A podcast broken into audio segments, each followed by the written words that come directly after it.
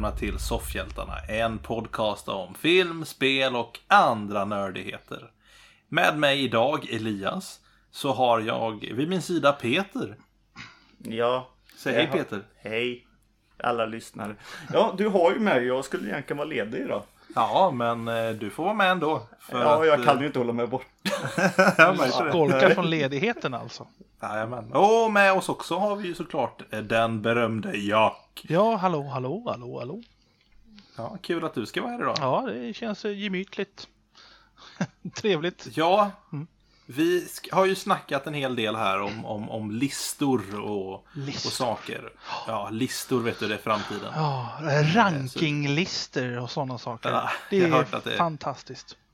Framtiden. Klack, clickbait har jag hört att det kallas. Den här inne och utelistan är väl ute eller? Så Ja, ute då. det är väl...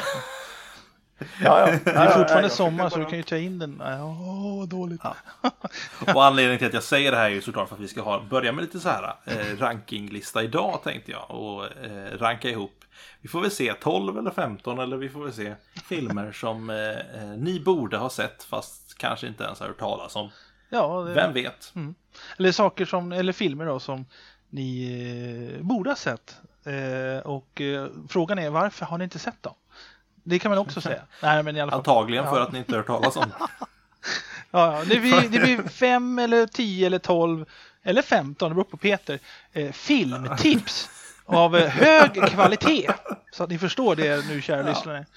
Mm. Ja, alltså, alltså grejen är att jag, jag- då, då lägger jag till här. Det behöver inte nödvändigtvis vara så att filmen är av hög kvalitet. Nej, men den är... Men den ska ses. Ja, ja. Nej, fan, ja, jag ja. förstår inte varför vi... Det är väl ingen rankningssystem? Nej, det, Nej, nej, det- nej, det här är bara filmtips, lite allmänt jävla skitbra filmer. Ja, helt enkelt Som så. folk eh, antagligen kanske inte har sett, men eh, som sagt borde se. Som Benjamin syrsa nästan skulle jag ha sagt. Från oss tre till er alla. Ja, exakt. Tre till varandra.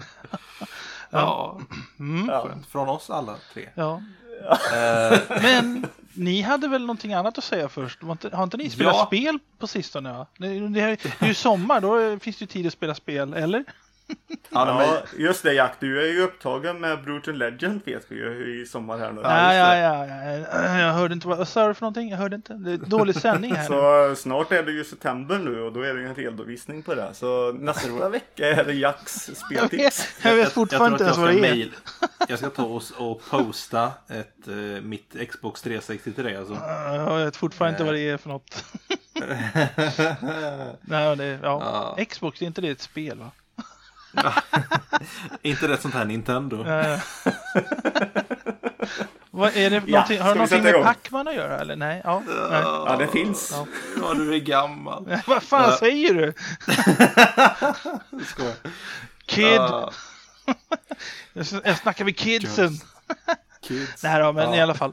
Ehm, ehm, Ja, vi har lite veckans speltips. Ja.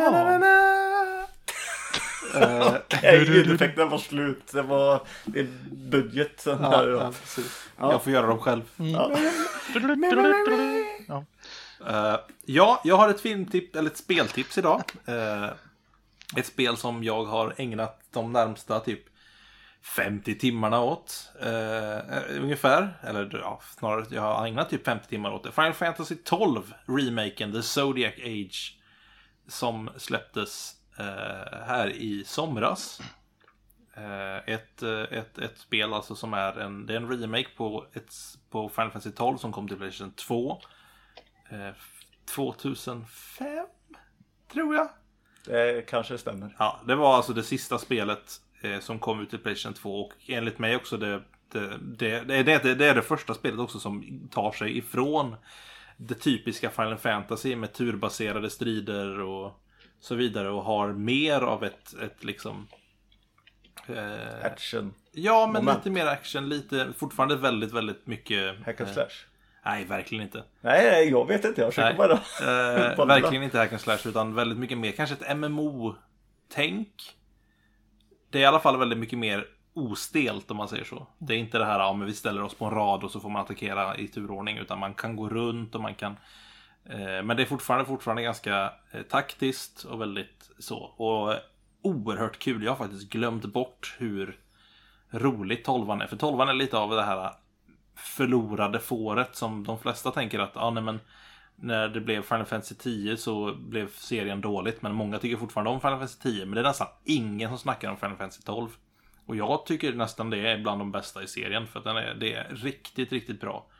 Eh, storyn är väl tyvärr kanske inte i toppklass alltid. Den är ganska... Eh, med. Eh, men stridssystemet och spelet i sig är kanske så bra som det någonsin har varit. Eh, så det är kul att spela helt plötsligt liksom. Ja, det är väldigt kul. Mm, jag tror också jag kan också bara göra lite reklam här för ett gammalt avsnitt. Ni kan nog höra Elias prata om typ nästan samma sak. I alla fall om fler Final Fantasy. Ja, ja men verkligen. I ett avsnitt som vi hade som heter Final Fantasy. Jag kommer inte ihåg vilket nummer. Men det var Elias gäst första gången. Sen Just blev han medlem. Eh, Ja, det var trevliga tider det. ja. Satt i en eh, trång soffa med, med Peter och, och Camilla och tänkte vad i hela frin gör jag här? och sen så insåg jag vad jag gör här. Jag är här för att prata om någonting jag brinner för. Och det var trevligt. I februari, mars någonting. Ja, någonstans där. Januari tror jag till och med. Ja, men eh, det är var bara att söka på eh, era podcastappar eller på vår hemsida som är soffhjaltarna.se. Så klickar ni bara på podcastfliken där så finns det där. Ja. Nej, men det är en liten rolig grej. Jag läste i en, en, en tv-spelstidning ganska nyligen om, om just Zodiac Age och Final Fantasy 12.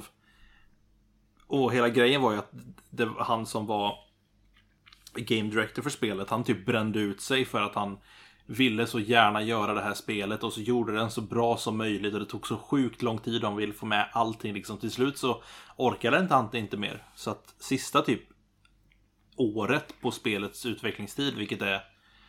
Eh, han har haft en utvecklingstid på kanske fem år, sex år. Eh, så var inte han med, för han var sjukskriven. Han hade bränt ut sig totalt. Eh, men resultatet eh, går ju inte att ta fel på. Så eh, jag vet inte vad jag försöker säga. Om, om regeln är, alltså lä, läraren är det, det är okej att bränna ut sig om resultatet blir bra. Eller, vänta. Nej, gör inte det förresten. Det, det kanske var dumt. Ja, det är mycket med det där alltså, om spel. Ja. Hur lång tid tar det att göra ett spel i genomsnitt? Alltså generellt. Tre år kanske om från, från typ konceptstadiet till färdig produkt ska jag gissa på. Och hur lång, Eh, lång Allting tid? beror på själva studion också. Ja, det Hur är många klart. de alltså. verkligen är Och och hur mycket, hur, resurser. hur mycket de vill få in och vad de är nöjda med. Ja. Alltså det finns ju spel som typ Duke Nukem Forever där Forever eh, var hur lång tid det tog att göra spelet. 14 år tror jag. De utvecklade det himla spelet och det blev värdelöst i slutet. Ja, det fanns väl bara typ i 14 dagar och sen försvann det. Det gick ju ja. en eh, dokumentär på SVT nyligen, den finns på SVT Play tror jag, som heter Atari Game Over.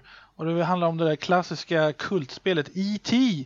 från 1982 Ah. eller 83. Just det. Som eh, den snubben som gjorde det, han gjorde det på 27 dagar tror jag. Och Ja. eh, det var väldigt avancerat för sin tid på ett sätt att göra själv. Han satt själv och gjorde det. Och eh, han blev, det blev ju då ett av världens största floppar tydligen. Men, men tydligen, det, det var ju tydligen ganska bra spel och det, det var en ganska intressant eh, dokumentär om att eh, myten var att... eh, Nej, bra, att bra spel är det inte. Jo men det, det var ganska bra tydligen enligt... Nej. Nej men det, alltså, myten är att det, det var dåligt. klassas ju som världens sämsta Jag vet, det, spel. det, myten är att det är i värld, jag vet, myten är att det är världens sämsta spel. Men eh, Mm. de, det var det de tog itu med i det här programmet. Och sen så var det en myt också om att de hade slängt Ja, miljontals det. spel i en stor jävla grop och bara liksom Atari hade liksom slängt undan det. Och nu hade de grävt Ja. upp den gropen och där fanns det både Atari och en massa, alltså IT och en massa andra spel. Men de gick igenom det där med att det där med att det skulle vara sämst, det var bara en myt. Det var ganska bra för sin tid. Det var, det var att det sålde inte. Du kan testa på det nu och det är inte bra. Nej men alltså för sin, tid, för sin tid! För det var gjort på 27 Inte dagar. för sin Nej, tid. inte, inte för sin tid. Jack, du, Alltså, du, du Nej men titta Jack. igenom det där, för det, var liksom att det, det finns spel som är sämre om man säger så. Det var det de tog Ja, upp i alla fall. antagligen. Att, ja, det var. Men problemet är jag har att det redan här... sett den och den finns på Netflix också. Ja. kan jag rekommendera. Ja. Eh, Men, det var ganska bra dokumentär. Alltså problemet med E.T. var ju att den inte bara, den var sämst så på det sättet att inte nog med att spelet var ganska dåligt och tråkigt. Men dessutom så, ska, så, så är, det ju, är den ju skyldig till, eller i alla fall den ses som skyldig till att hela typ spelindustrin kraschar 1983. Eh, och det fick dröja till 1985 då eh, Nintendo släppte sin Entertainment System. Innan spelindustrin kom upp på fötter igen. Ja, det var en, Så, en ja. bra dokumentär i alla fall. Det Jag har, Jag har faktiskt luktat på soporna. Nej, jag har eh, faktiskt en eh, bekant. Ja, men jag har faktiskt en bekant som eh, faktiskt eh, pungade ut lite pengar och eh, fick ett spel från den tippen. Och de spelen de slängde ut. Fy vad kul. Mm, ja, han köpte ju det enbart för ett minne. Mm. Och för en liten semesterkassa där, men eh, det var det värt typ. Eh, jag har ju också spelat lite. Ja, det var effekten igen. Eh, jag pratade ju sist om att jag hade satt och spelat ett mobilspelare som heter PPKP. Ja, just det. Och nu vet jag vad PPKP står för. Ja. Mm. Det står för Punch Punch Kick Punch. Ah, såklart. Ja, och eh, att jag fick reda på det också, det är att jag har klarat det. Sådär. Jag spöade den stora tjocka grisen i slutet. Eh, Såklart. nu och nu, river de något. nu, föll, nu föll en affisch eller någon jävla vas ner, jag höll på att säga. Ja, ja, ja, skitsamma. Det var något. Nej, men Allt det... försvinner. Såg du inte vad det var som föll? Nej. Tänk om det ligger och rinner någonting där. ja. Kanske var ett paket mjölk som bara rinner och rinner och rinner och rinner. Jack, ditt svin. Nu kommer jag gå och kolla. Så nu får Gör vi ta och ta hand om den här podden. Ja, vi kan För nu måste prata. jag kolla min lägenhet. Ja. Din skitunge. Peter kan prata vidare där. Ja, ja, jag tar vidare. Ja, ta vidare. Ja. ja, så här kan det bli. Ja. Eh, men så är det att... Eh, Nu fick han... ja, det, det spelet har jag i alla fall klarat nu. Ja. Och eh, ja, jag har fastnat i mobilspelsträsket. Jaha. Så jag bara, jag ska spela ett nytt spel. Tog hem en jävla massa skit. Men sen hittade jag ett, eh, ett multiplayer-spel som är online. Eh, givetvis. Och eh, det heter War Wings. Och det är eh, andra världskrigets spel. Du är du flyger flygplan. Och skjuter ner. Och det är Team Deathmatch och det är eh, spränga skepp och allting. Och det är rankningssystem och du eh, spelar och får mer poäng som du måste bygga upp vapen och sånt där. Och det är lite daily, ja, dagliga utmaningar och ja, man kan betala både med riktiga pengar och man eh, spelar och får nya grejer. Det är skitkul i alla fall och det funkar jättebra med eh, touchscreen eh, på telefonen. Vad heter spelet sa du? War Wings flygplansspel. Ah, trevligt. Andra världskriget. Jättesnyggt rankningssystem online. Allting. Så eh, sitt på ett bra wifi-nät när man kör det. Eh, ja, batterikrävande, ja givetvis. Det är online men inte, inte, ja, inte för mycket i alla fall tar det på batteriet. Och eh, Nej men som sagt, touchscreen-kontrollerna funkar skitbra. Det är enkelt, det är bra, det är... Nej, det är schysst. Nice. Men eh, jag kan nog faktiskt rekommendera. Och det har jag nu köpt. Inte fått hem än, men kommer snart på posten. Det är en gamepad till telefonen. Aha. Så en eh, trådlös kontroll då. så sätter man telefonen och kör med kontrollen istället. Istället för att kladda på telefonen. Det är lite enklare. Men det funkar bra. Nice. Men War Games, eh, eller War Wings menar jag. War Wings. War Games War var Games. nästan en av de filmer jag tänkte eh, ge som filmtips. Men den antar jag att alla har sett. Men eller? Okej. Ja. Eh, nej, men det är som sagt, det var mitt lilla mobiltips. Eh, ja, det var det. Vad var det som ramlade? nu? Ja, vad var Äh, det som i- i- ramlade? Vem var, var det som ramlade? Vad var det? Vad var det? Jag har inte en aning. Spöken? Spöke kanske? Ah, jag vet inte vad det var. Alltså för att det ser inte ut, det känns inte som att det är någonting som har ramlat.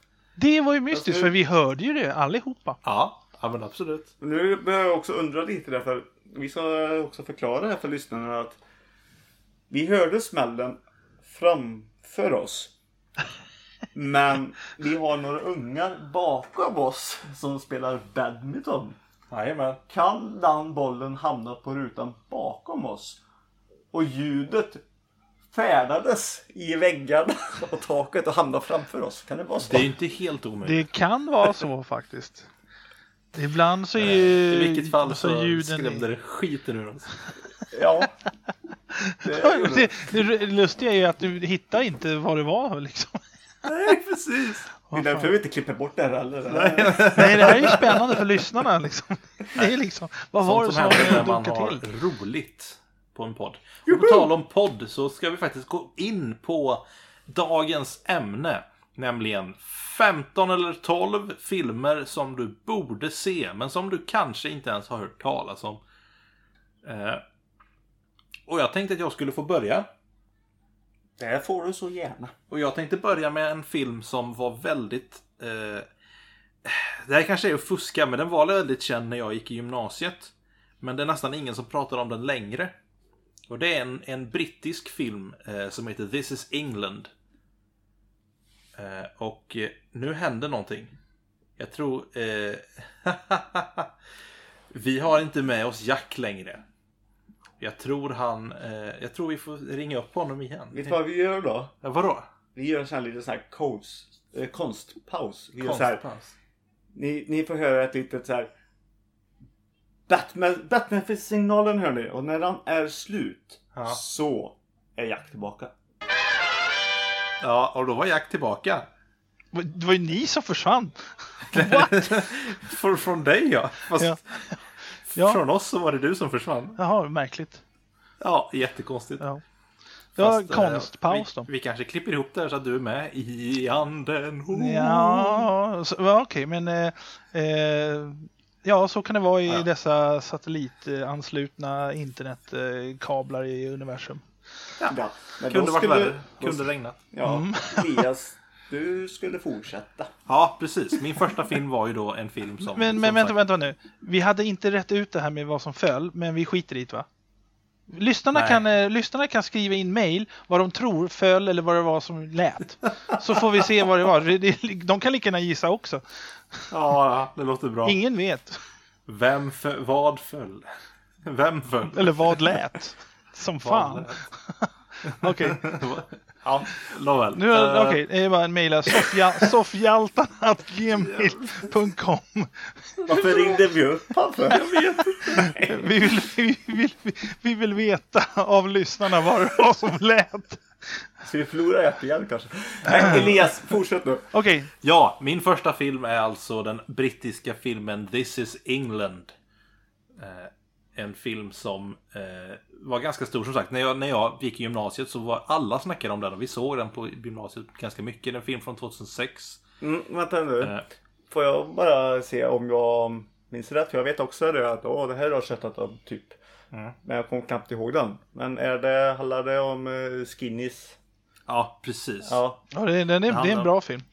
Eh, Ja, precis. Shane Meadows är det som har skrivit och regisserat. Och den har även fått spin-offs i olika filmer. Eller i olika tv-serier typ. Alltså typ... Eh, eh, den har fått fortsättningar som tv-serier. Alltså This is England 88, This is England 90 och så vidare. Eh, för att den ska liksom... Men det handlar om då eh, en ung pojk som dras in i hela den här skinhead-världen. Och eh, alla de våldsamma människorna som eh, ja, finns runt om det helt enkelt. Eh, det är en eh, brutalt ärlig och bra film helt enkelt. Eh, så har du inte sett den så borde du se den. Framförallt kanske i, i tanke med helt enkelt hur, hur för att sätta sig in i vad som på, pågår egentligen i, i, i den världen och hur lätt det är att fastna. Mm. På så sätt. Ja, det är ju verkligen så här. Eh, det känns nästan som att det är bortom arbetarklass. Det är ju liksom verkligen eh, alltså en ganska rå film faktiskt. Eh, Ja, men, jag, jag har sett både den första filmen jag har sett och så har jag sett tv-serien som kom efteråt. Eh, eh, jag har inte Mm. sett uppföljarna dock. Men vilket år var det den, upp, den utspelades? Det kommer inte jag ihåg. eh, 84 tror jag att den här utspelar sig. Okej.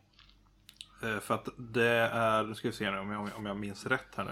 Precis, This is England 86 är ju första tv-serien. Mm. Sen hade du This is England 88 som är andra. Och sen har du This is England 90 som är tredje. Mm. Och sen tror jag inte att det finns några fler. Utan det är de, de tre serieuppföljarna som finns. Ja, då är det precis efter den här punkvågen då mellan 77 och ah, 81, 82. Ja, nej, men det precis. var och, eh, Margaret Thatchers första år och sådär. Så att eh, det är fan alltså. Det är jävligt bra skådespeleri kommer jag ihåg. För det var väl bara, han var den där, han som spelade huvudrollen, den där grabben, han var bara typ 11-12 år jag för mig när han spelade in. Ja. ruskigt bra, ruskigt bra alltså. Eh, Han är alltså... Eh, ja, precis. Det, var, det här var 2000... Vad sa jag? 2006. Sex. Ja. Och han, ja, och han är 92 Ja, borde att han borde vara typ 14. eller han var förmodligen 12-13 under inspelningen för det tar ju Ja, oftast precis, eh, precis. minst ett år. 12-13 Ja. där. Ja. Jätteduktig verkligen. Och, och eh, många av de här karaktärerna. Bra karaktärer verkligen. Och, och eh, man fäster sig väldigt mycket vid Mm. dem. ja. Så att den, har ni inte sett den eller ens hört talas om den, se This is England. För den är, det är en behövlig, se, behövlig film att se tror jag. Ja. Eh, Någon mer som har något att tillägga? Annars går vi vidare till Jacks första val. ja, nej, jag bara håller med om att den är jäkligt bra och väldigt sevärd. Yes. Ja, då är det Jax. Ja, jag eh, ska prata då om eh, en film som var på sätt och vis en succé, i alla fall i Sverige. Eh, I tidernas begynnelse. Nej, men, eh, det är en film som faktiskt inte var särskilt stor succé eh, i USA och sånt där. Eller i Europa. Det var, den var hyfsad så här. Men i Sverige var den en hit. Fick väldigt bra betyg och sånt där. Och det var Nicole Kidmans eh, stora genombrott 1989 i Lugnt vatten, Dead Calm. Och den bör alla ha sett. Känner ni till den? Eh, nej. Vad bra! Då kan jag rekommendera den här jäkligt stenhårt. För det är alltså en av världens absolut bästa thrillers. Det är inget snack om den saken. Eh, kort handling då, då. Det är en väldigt enkel film. Det, det är... eh, Det har, sätt och vis, den är så enkel så att ja, det har en koppling till min femte film som jag ska rekommendera senare. Då. Men i alla fall, det är Nicole Kidman. Hon var 20 år när hon spelade in den här filmen. Eh, hon är, fast hon spelar väl ingen 20 år, men hon är gift med Sam Neill som ni känner igen från Jurassic Park. Eh, och de, i början av filmen så händer en, en olycka, en trafikolycka och de förlorar sin lille son, eller vad det nu är, om dotter eller son. Spoila inte hela filmen. Nej, men det här är första fem minuterna. det är förtexterna faktiskt. Eh, och då blir de så här naturligtvis jävligt ledsna och deprimerade och så, så bestämmer de sig för att eh, ja, vi åker på en riktig så här segelsemester. Det här är alltså en australiensisk film. Eh, och såklart. eh, då eh, åker man ut och seglar så här. Va? Och eh, då händer det att de så småningom stöter på ett skepp som har, det har hänt någonting med skeppet. Och det finns bara en överlevande ombord och det är Billy Zane som också slog igenom. Han som ni senare känt igen från till exempel Avatar och så vidare. Nej, vet du, Titanic. Eh, och han är, spelar... Han spelar Fantomen va? Ja, Fantomen. Och han gör en eh, väldigt bra roll också. Och det är liksom, egentligen är det bara, det är inte så många skådespelare om man säger så. Det handlar om eh, otäckheter på en båt. Och den är så jäkla spännande. Den är, jag tror inte ens den är 90 minuter. Men eh, jag vill inte avslöja för mycket. Men, men eh, det är ganska mystiskt att de stöter på en båt ute mitt i oce- oceanen. Liksom. Och eh, ja, ni får se. Det är ett eh, litet mysterium och sen så är det i slutändan så är det en jävla hårdkokt thriller. Och eh, det är nog, eh, jag skulle vilja säga faktiskt att det är nog en av världens tio bästa thrillers någonsin. Wow. Ja. Och min farsa, betyg. nej nej, och min farsa när han levde då, han, eh, han brukar inte gilla tråkiga filmer. Han, han vill bara se action, typ och krigsfilmer och sånt där, James Bond. Och han gillar inte tråkiga filmer så här. Och så sa jag bara till honom så här, men titta den här Lugnt vatten, den är jättespännande. Ja, men vadå Lugnt vatten, vad är det för titel? Så här. Ja, men titel borde ju skrämma bort han. ja, alltså, och så i alla fall så sa jag, men titta på den här. Och så liksom så dagen efter så har jag sällan, sällan hört min far så exalterad. Det var jättebra, det var jättebra! Det var en av de bästa filmer jag sett! Och han brukar aldrig säga sånt, det är jag som säger sånt. Det var en av de bästa filmer jag sett alltså! Oj, oj, oj, det här var skitbra! Så, här. så att eh, det kan man ju också ta som en rekommendation för min far gillade inte tråkiga filmer. Alltså är Lugnt vatten väldigt spännande. Så den nice. eh, tycker jag alla borde se. Ja, Gött. just det. Så ja. den gav lite ringar på vattnet alltså? Ja, och sen, en, och sen en annan sak. Tom Cruise såg den här filmen och älskade filmen och så blev han ju förtjust i Nicole Kidman. Så han bjöd över henne till att filma Days of Thunder och så ville han gifta sig med henne. Så han blev alltså kär i Nicole Kidman förmodligen när han såg den här filmen. Det är ett stort... Eh, det, var mycket snack om det där typ 89, jobbigt, 90. Jobbigt minne. För Nicole Kidman kanske. ja, precis. Men eh, i alla fall, det var den, den filmen som öppnade dörrarna till Hollywood för henne. Och hon spelar, alltså, hon är 20 bast, 20 bast men spelar så jäkla bra alltså. Hon äger, redan där, redan där äger hon alltså. Ja, mm. nej men det, hon är duktig så att det ska bli väldigt kul mm. att eh, ta och se, helt klart. Mm. Eh, Peter, ja. vad har du för någon film som du skulle vilja lägga fram? Som... Ja, jag kom faktiskt eh, på en nu. Eh, och det var lite tack, tack vare dig Elias. Yes. Nej men du var inne på ett eh, tema där. Jaha. Skinhead. Mm. Och då kom jag också på en, faktiskt en film som är bra. Den är ju känd men den kanske har glömts bort. Lite då som du tyckte att ja. Det. Men det är faktiskt eh, Romper Stomper. Russell Crowes genombrott. Russell Crowes eh, genombrott ja. Mm. Som jag inte har eh, sett men jag vet vad det är för något. Från 19... Som jag inte har sett och inte en aning om vad det är för något. Nej, från 1992. Eh, australiensk film. Handlar ja. då om ett eh, nynazistgäng som går runt i Melbournes eh, gator. Och Russell Crowe spelar en eh, snubbe som heter Hando. Och eh, som en innan så börjar de ju bråka då eh, med eh, vitameserna. Och eh, sen träffar han en eh, tjej som följer med dem och eh, ja, man följer egentligen lite mer henne då. Hon blir ju med för Vietnameserna är ju arga på det här gänget och hon är egentligen inte med i det gänget. Men hon blir en del av det. Kärleken vet du. Den är... Ja, Men eh, Russell Crowe gör en bra roll. Mm. Och det är som sagt ett genombrott för den. Det, var det, det, det, var den filmen som också öppnade dörren för honom. Precis som Nicole Kidman då. Att det är australiensiska filmer, de är ju därifrån. Men det öppnar mm. dörren till så kallade Hollywood-dörren då. då. Har vi någon, har vi någon liksom eh, motsvarande för Hugh Jackman? Eh, nej, grejen är den att X-Men, jag har för mig att det var hans första ja. film. Faktiskt. En, en, av hans första om inte annat. Ja, första eller andra någonting. Jäklar vilken debut eller vad man ska kalla det. det Fast ja. Alla hatade ju att han skulle vara Wolverine, vilket känns ironiskt numera. Ja. För att han var alldeles för kort. Eller han, nej, alldeles för lång. lång. För lång var han, ja. Just det, för, för, för, för Wolverine är ganska kort. Väldigt... Det var inte det vi pratade om. ja, eh, från Australien till Peter, okej. Okay. Ja. ja.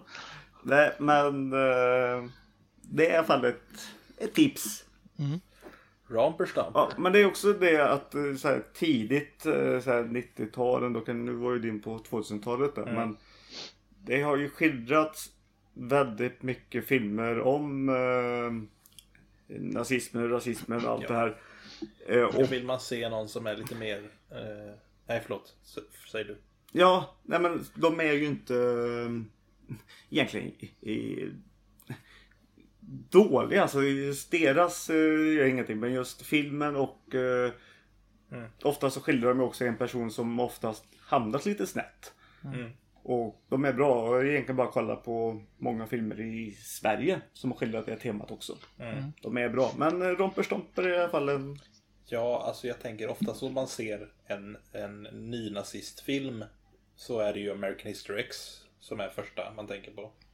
Ja, det var ju ungefär så. Jag Ja. visste ju om Romper Stomper först. Sen när American History X kom så dog Romper Stomper. Ja. Och det är lite så jag eh, kom på nu att eh, många som kanske lyssnar på att inte har en aning om den filmen. Nej. För det du säger om någon kommer in på temat, då säger alla kolla på American History X.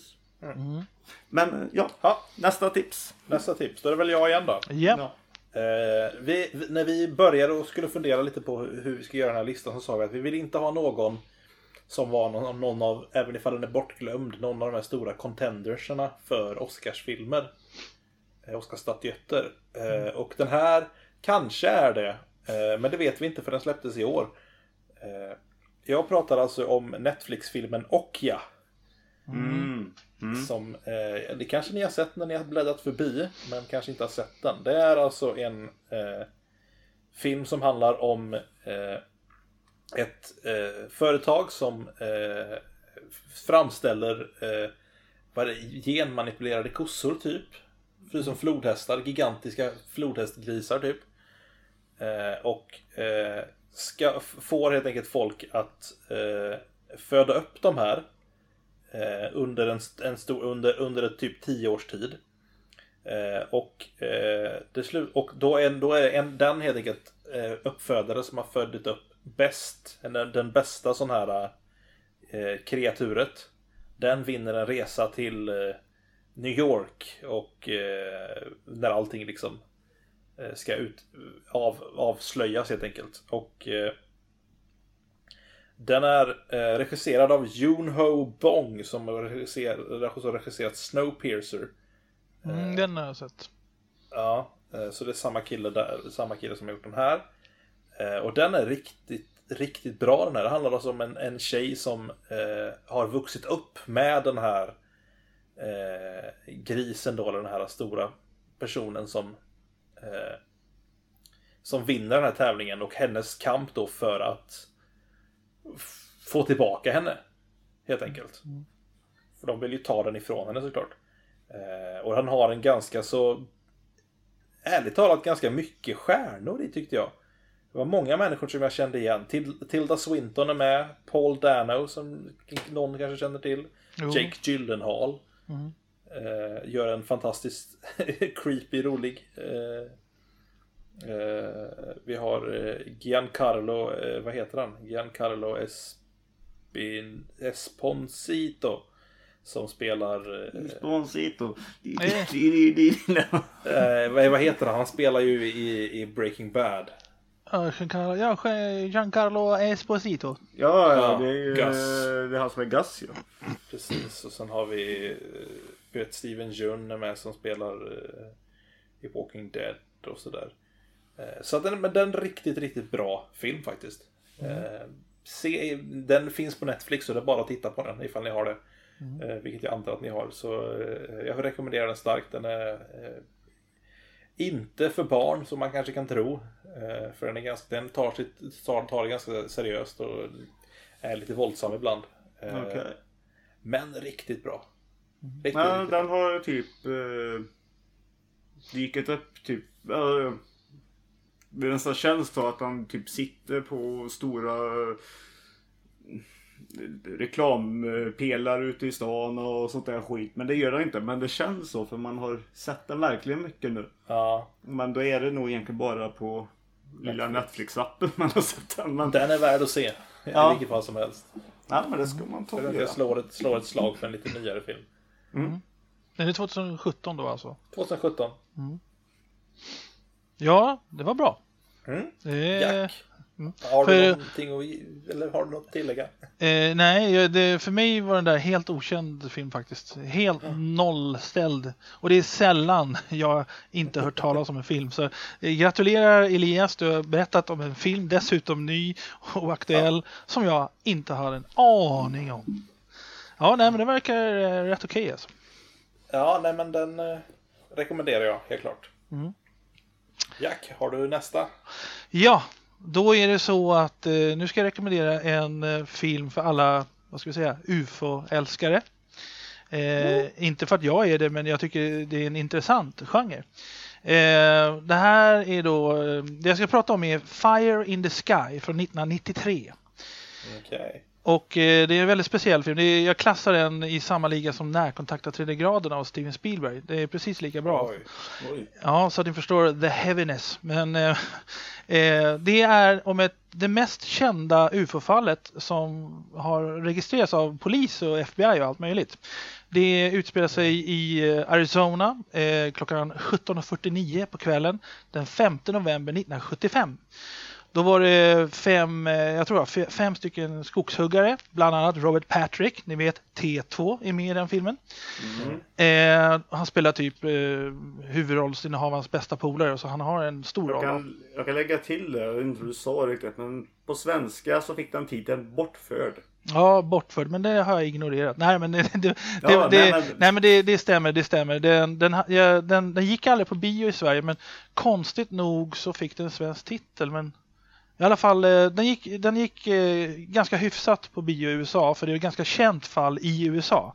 Eh, men bara hyfsat, så att den är märkligt bortglömd, för den är så jäkla bra alltså.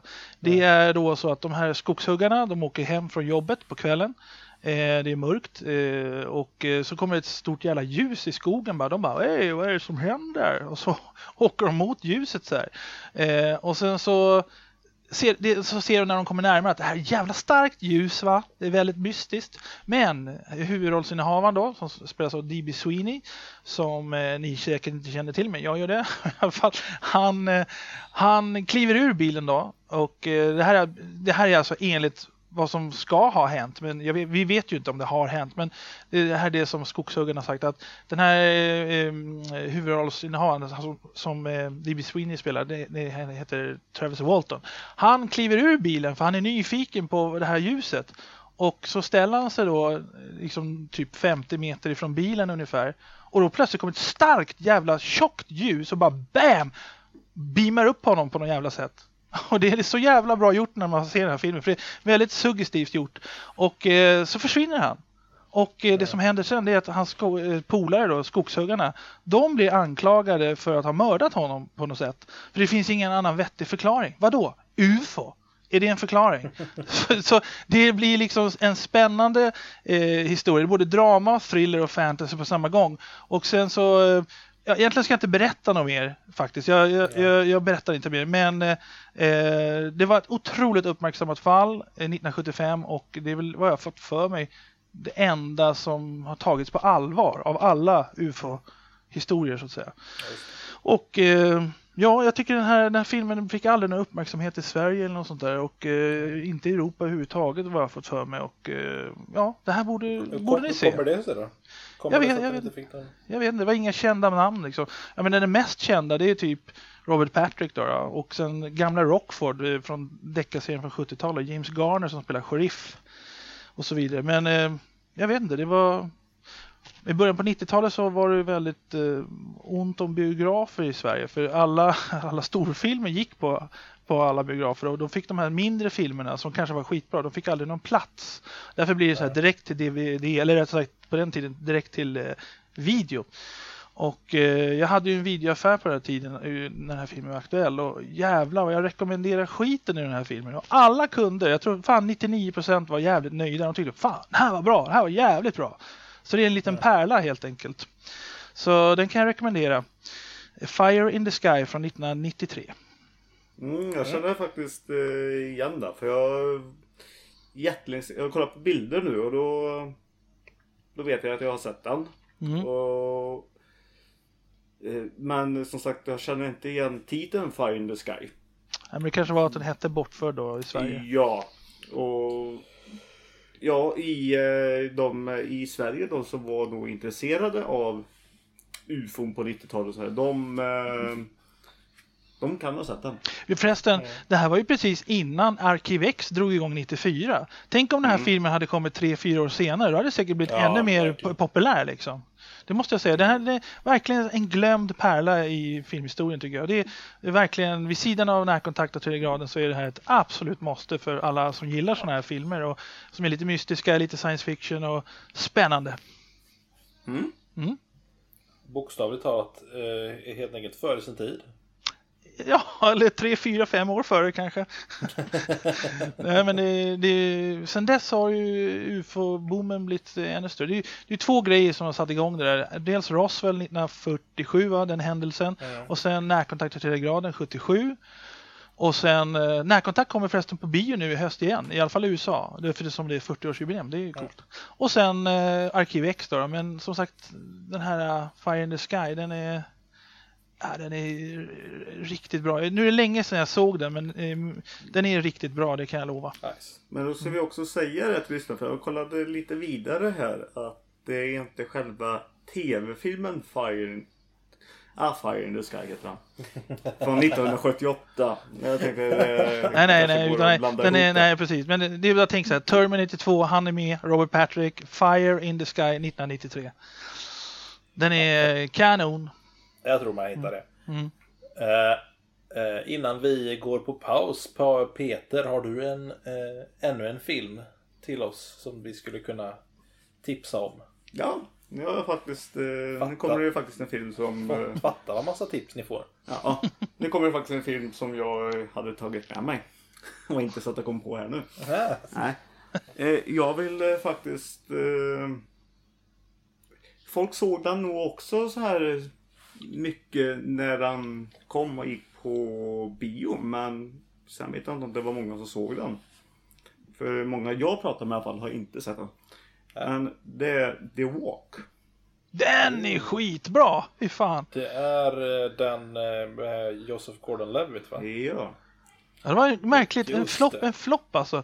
Det är ju märkligt alltså. Jäkligt bra. Mm. Ja. Eh, jag, mång- ja. ja. filmen är väl inte... Alltså, själva handlingen, själva grejen. Det är en, eh, ja, en fransos där som... eh, Ja, han, han spelar fransos heter det. Schysst. Men berättandet blir väldigt schysst när han pratar med oss eh, tittare. Eh, och... Eh, men man ser, det, det är snygga bilder. Ja, han, han är lindansare och eh, som sagt får ju inte göra det han vill. Det är väl en verklighetsbaserad också historia. Ja, Oh ja, det där hände Eh, 1974. Ja, så han slänger ju upp eh, och så går mellan två stora byggnader. Som heter World Trade Center. Ja. Ja. Ja, precis. Jag tänker väl inte avslöja för mycket. för det har en väldigt Nej, men det, det här är det här är helt enorm en enorm händelse 1974. Det är, Och de har gjort en jättebra film på det. Jag ska inte avslöja heller för mycket men det är gjort av Robert Zemeckis som gjort Forrest Gump, Tillbaka till framtiden och ta mig fan Ja. allt möjligt. Och det blev en flopp. Jag förstår inte. Det blev en flopp. Det, förmodligen, förmodligen den bästa 3D-film jag sett. Ja, Ja, jag såg den inte dock i 3 men den Ja. kan nog vara... Den är faktiskt jävligt snygg i alla fall.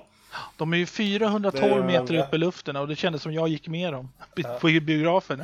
Ja, det, det är ju det som var lite, lite, var- har, lite varit grejen. Många som tyckte att det var jobbigt och som har gått ut ur biografen just för att... Ja, just det, just det. Just det, folk spydde i, på New York-premiären. Det var ju två eller tre stycken som gick ut ur biografen och Ja. spydde alltså inne Ja, på biografen. vertigo Ja. liksom. Ja. Äkta vertigo liksom. Och det är inte dåligt för en film att lyckas med det. Nej, verkligen Men inte. det är en film i alla fall som... Ja, som nog många har glömt bort. Det är bra. Den har jag förresten recenserat på Cinefantast. Och slå upp där eh, The Walk. Då får ni en bättre bild av vad, i alla fall vad jag tycker och eh, historien bakom. För det, det finns en väldigt känd bok och dokumentär om det här och det, det, att det har hänt i verkligheten det är nästan helt overkligt. För det, det är en sån spännande film. Alltså inte bara det här med själva The Walk, alltså själva gången över till, mellan två World Trade Center utan det är hela uppbyggnaden, hur de tog sig in i World Trade Center och hela jävla skiten alltså. Det är ruggigt spännande. Det är som en thriller på hög nivå. Nej, Och på den höga nivån så tar vi och tar paus här paus. Ja. Och vi tänkte att eh, en, en bortglömd film har vi pratat mycket nu. Men ska vi ta en, en film som de flesta har sett och en väldigt bra låt från en film som de flesta har sett. Mm. det, Och vi kan ju ta lika bra och avslöja en liten sak. Grej, ja, ja, ja, precis, ja, precis. Men, men alltså, det var så här, eh, kära lyssnare. Eh, eh, Peter och Elias frågade mig om vad som var världens bästa filmlåt precis innan vi började spela in det här. Och då sa jag, ja, förmodligen är världens bästa filmlåt Eye of the Tiger från Rocky 3. Och med Survivor. Du vet, det, du, ja. det, det, ja, som jag tycker. Det liksom när det, när det, det, blir- ja, men säg hur många är det inte som har gjort så här armhävningar till Eye of the Tiger genom, när man var så här 17 år bara uh, uh, uh, uh, så höll på och allting så här. Men grejen, precis. Eye of the Tiger är lite special så här och Rocky 3 den har jag sett säkert 218 gånger bara för jag hade videoaffär och den rullade på så här. Och hur som helst så, så kom då Precis efter jag sagt Eye of the Tiger så kom Elias här med några omskakande fakta som fick mig och Peter Va? att känna rämningar i jorden. Han knockade oss. Han no- knockade oss med sitt avslöjande. Nu får, nu får du berätta det, nu, Elias, eh, det, när jag då sa eh, Rocky 3. Ja, Mm. Vi säger så här då, hade vi spelat in det här avsnittet för eh, förra veckan eh, så hade inte jag sett Rocky 3. Nej. Jag bara Jag, tystnad. jag, bara jag såg det i torsdags. Ja, idag är söndag. Men du släppte också lite en annan bomb. Det var inte bara Rocky 3. Det var Rocky Nej. Nej. 2 Det var dessutom också Rocky 2. Och Rocky 1. och Rocky 1 också! Det har du inte sagt. Ja. Vadå, så du Jo. har aldrig sett en Rocky-film först för, typ först för fyra dagar sedan du har sett Rocky? Nej. Rocky 2 såg jag för fyra dagar sedan. Rocky 1 såg jag förra veckan. Åh! Men då måste vi fråga Rocky 4. Rocky 4 har jag inte sett. Jag har inte heller sett Rocky 5. Och Rocky Oj, oj, 6. oj. Jag har det här, heller inte vänta, sett vänta, vänta. Du, du, Det det här var roliga är- information. vet du vad det roliga är? information som... Nej. Jag har, sett, jag har sett... Jag såg Creed på bio. Åh, det är som att börja med del 7 och så börja med del 1.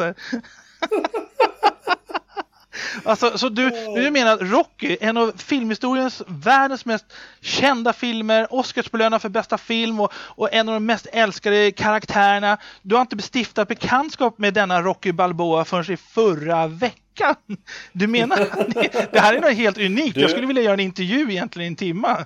Jag, borde, jag, jag skulle lätt kunna ha en topp 5 filmer som jag borde sett. Eh, och inkludera bland annat Ghostbusters som jag inte har sett. Eh, Jag garvar Så- mycket här. här ja, det, snart kommer dö så jag tror att han får... eh, vi får lugna ner oss lite. Eh, Ja, nej men det, att, att Rocky, det, ja, men vad, vad, vad tyckte du då? Eller var det okej första, eller? två, första två är riktigt, riktigt bra. Mm. Eh, tredje filmen är inte riktigt lika bra men fortfarande bra. Ha en bra låt. Den har en bra låt. Det var det vi kom in på, det var det som var grejen. Ja, Ja, jag, jag var lite svårt. Jag hade svårt att ta. Eh, den avslutar starkare än vad den börjar. Eh, Paul är fortfarande sjukt irriterande. Eh, Det kommer han vara i alla Ja. filmerna kan jag ta. det, det får du Eh, räkna med. Vet Men du. i första filmen så kunde man tolerera det för att det fanns en mening bakom karaktären och en mening till varför han var som han var. Och man kunde förstå det, det var en djup karaktär. Här är han bara idi, i, liksom idiot och det var lite jobbigt. I andra filmer har de tonat ner honom asmycket. Eh, så att det, det störde mig inte då. Eh, men de är båda två väldigt bra. Mm. Och- första och andra filmen känns som verkligen, de hör ihop verkligen. Eh, Förstod du nu Eh, vad- då när du, jag, jag vill bara komma in. Du har ju sett The Creed då. ja. Förstod du då när du såg ettan och tvåan nu? Mm. Då har du verkligen förstått. Och trean också. ja, Då har du ju som sagt förstått vem Apollo Creed var då. ja verkligen. För det hade du väl Som jag- ingen aning om när du såg Creed. Som jag Men det- av, av misstag trodde spelades av Billy D. Williams. Jag var såhär, vänta, nej det är inte alls han.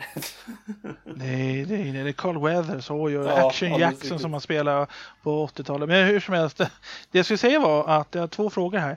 Eh, det finns hopp nu här för att du kan hinna, du kan catch up här nu.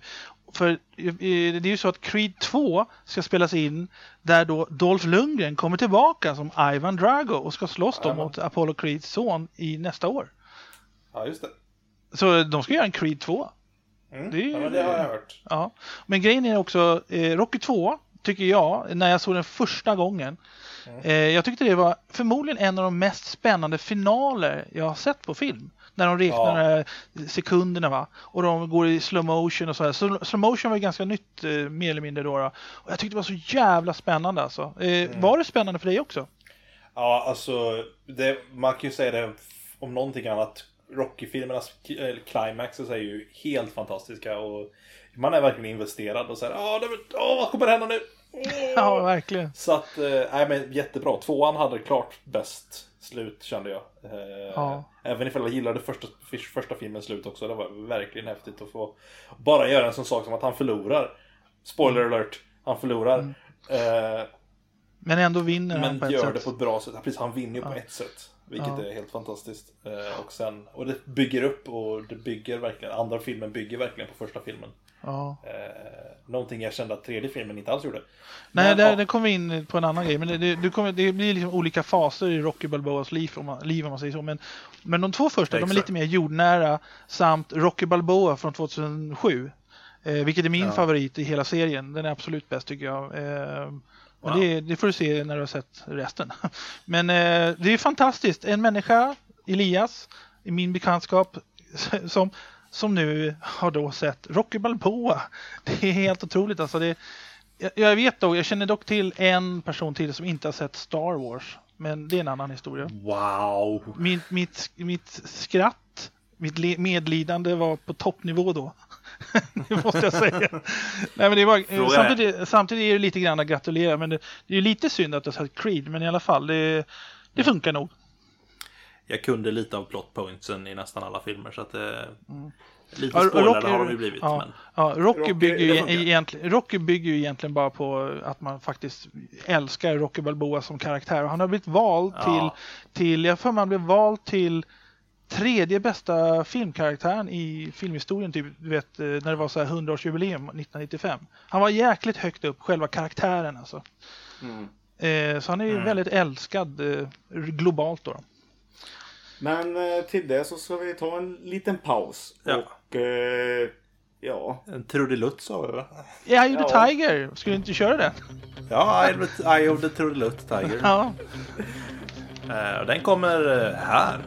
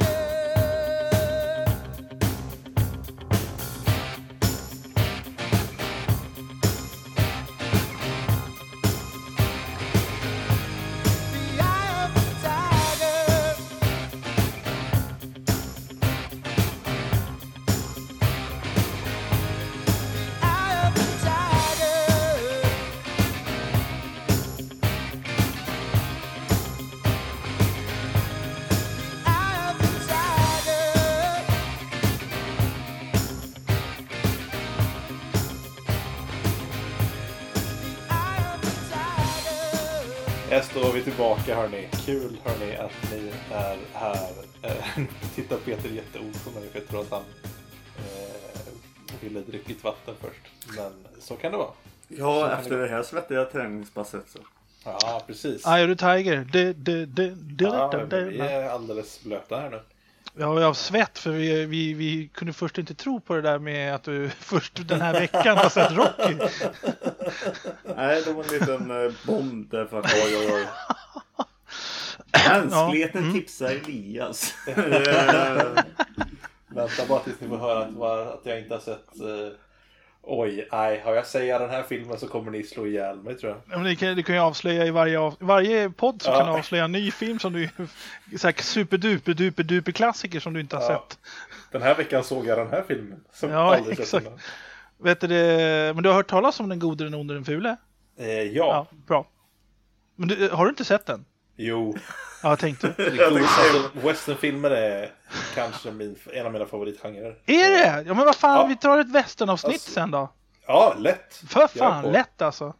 Rakt av. Lite harmonika och lite sådär. Ja, ja. Vi, Eh. Västerngenren måste återupprättas. Ja. Helt klart. Helt klart. Nästa film eh, som eh, Jack vill tipsa om då, är det en westernfilm? Nej, men är det min tur? Eller inte Jag inte. tur? Det är Vem- min tur, men vi kan ta Det är, Eli- nej, men det är Elias va? Det är väl det, Ja. den Ja, men som jag, sa kan, sist. jag, jag, jag, jag kan ta min, eh, min tredje film då helt enkelt. Är det en westernfilm? Nej, Det är inte en westernfilm. Det är synd att det inte är en westernfilm. Jag hade velat Utan, höra det. utan in, inför, det här, inför det här avsnittet så satt jag och tänkte på två filmer regisserade av en eh, regissör som har blivit jättestor nu. Som klassas som den nya Spielberg. För allting han rör vid Eh, får jag gissa? helt fantastisk. Ja. J.J. Abrahams? Nej, verkligen inte. Den, jag, Han brukar ju jag- kallas för Spielberg Junior. Ja, det gör han kanske. För han har haft Spielberg som mentor sedan han var 15 år. Ja. Ja, Det är inte alla som vet. Nej, jag Ja. tänker på, jag tror att jag, i mitt eget och väldigt många andra tror jag, att den här regissören, han kommer att bli den som man ser tillbaka till som den nya Coppola eller nya, nya liksom Spielberg, de här stora, bland de stora regissörerna. Det är inte Christopher Nolan va? För det, han är ju jämförts med Stanley Kubrick. Ja, och det, han kommer säkert också vara en av dem, helt klart. Eller han kommer att Ja, han är, säg vem redan, det är han redan det. Men jag, jag tänker på Denis Villeneuve. Ja, Dennis. Som bland annat har gjort eh, Arrival, som har gjort Sicario. Eh, och eh, som nu i höst kommer att visa oss eh, Blade Runner Mhm. 2049.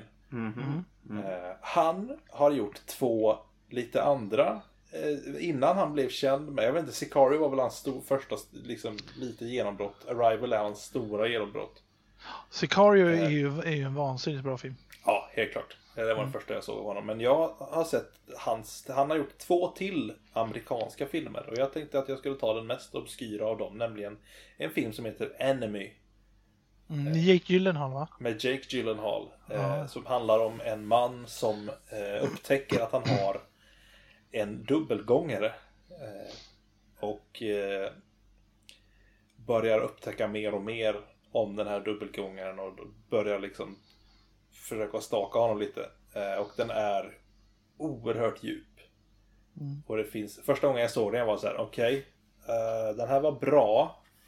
Men jag vet inte riktigt varför jag tycker att den är bra. Och sen så började jag titta på den om, jag tittade om den och jag tittade på någon sån här eh, förklaringsvideo. Hur kan man tolka den här?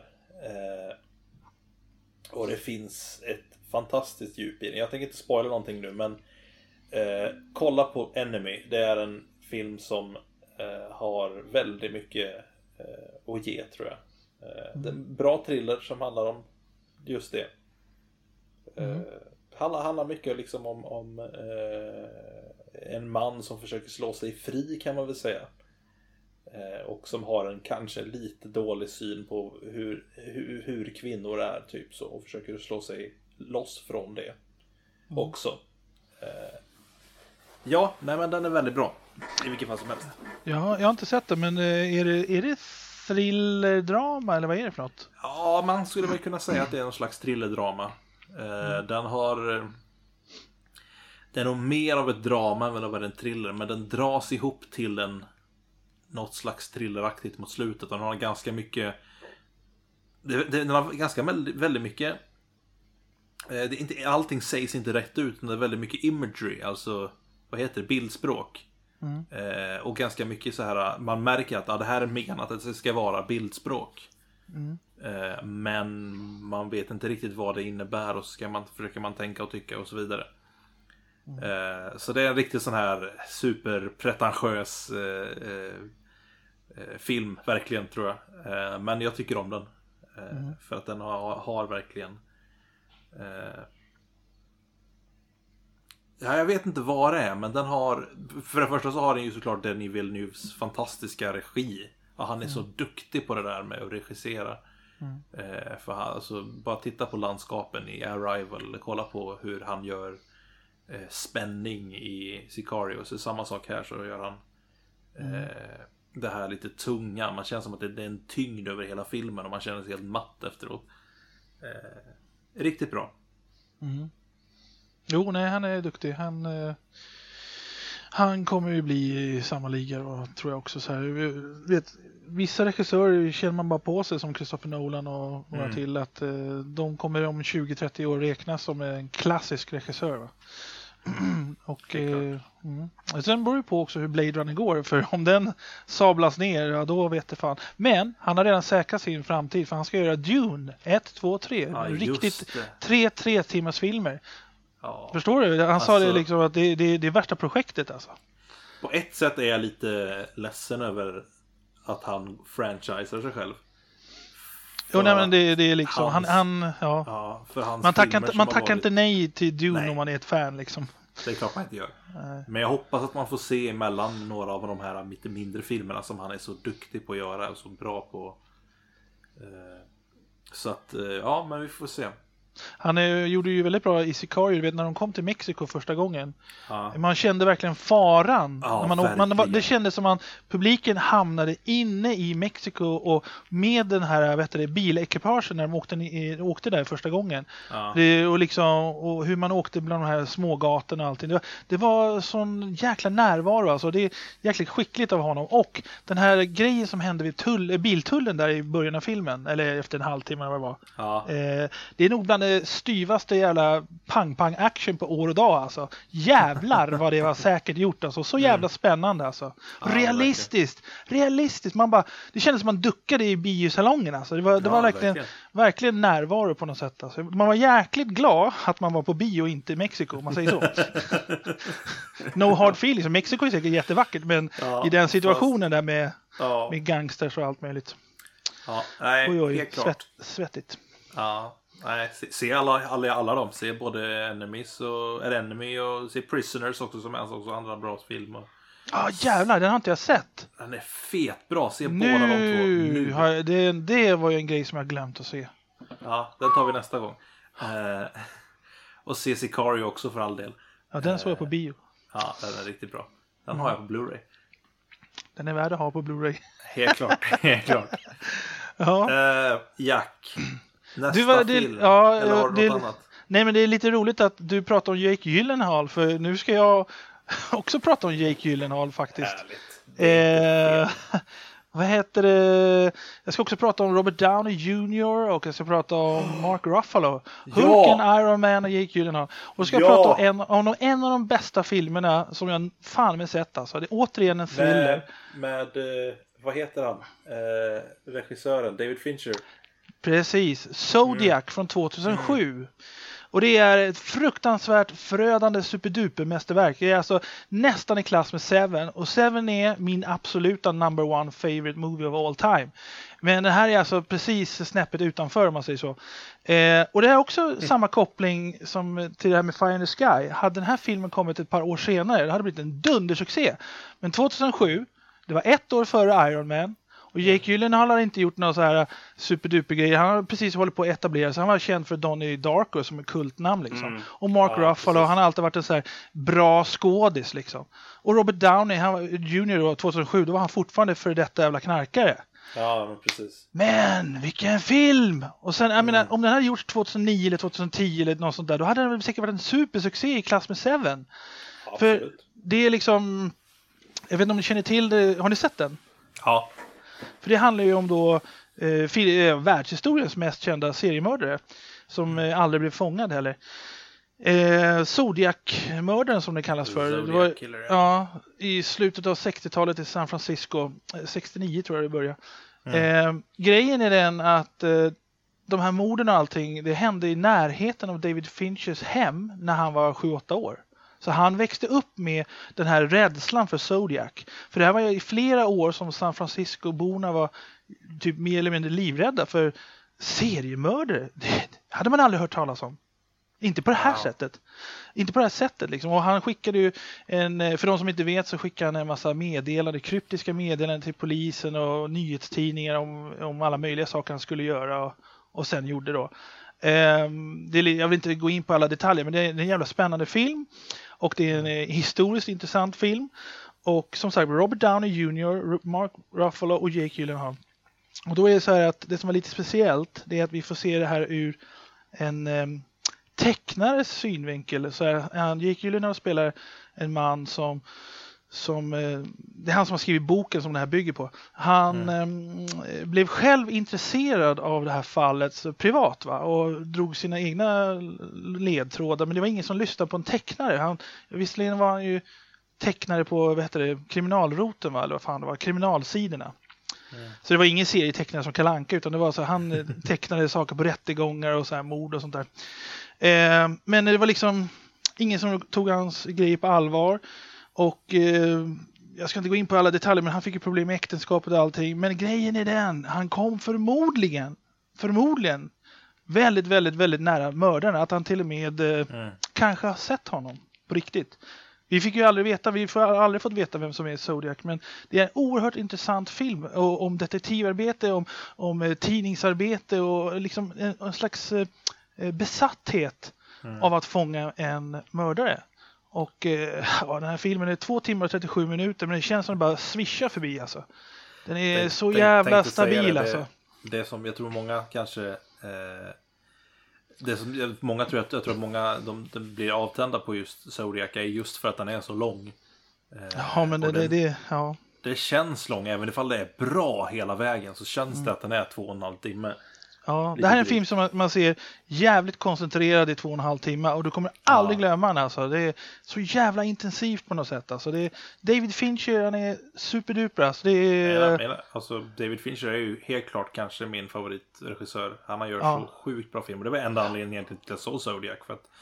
Fight Club är så himla bra och, och Seven är så himla bra. Och eh, ja, alla de andra filmerna. ja, han, han, är, han är ju redan en klassisk regissör måste man nog säga Ja, faktiskt. Ja men verkligen. Eh, Det är, det är en av mina favoriter också och eh, Duktig. ja, jag, jag vet inte hur, hur man ska beskriva det för folk som inte har sett den men det är bara, det är bara se till att se den. Zodiac 2007. Mm. Jake Gyllenhaal och Robert Downey Jr. och, och eh, försök att se den eh, när ni är pigga så att ni märker alla detaljer. För Då, Mm. blir det än, då blir det ännu mer spännande. Sitt inte med telefonen när ni kollar på den. Nej, släng popcornen. det är liksom, redan i början så är det ju jävla bra scen alltså. Det, ja, jag ska inte säga något. Det, Nej. det är jäkligt, det är verkligen thriller alltså. Mm.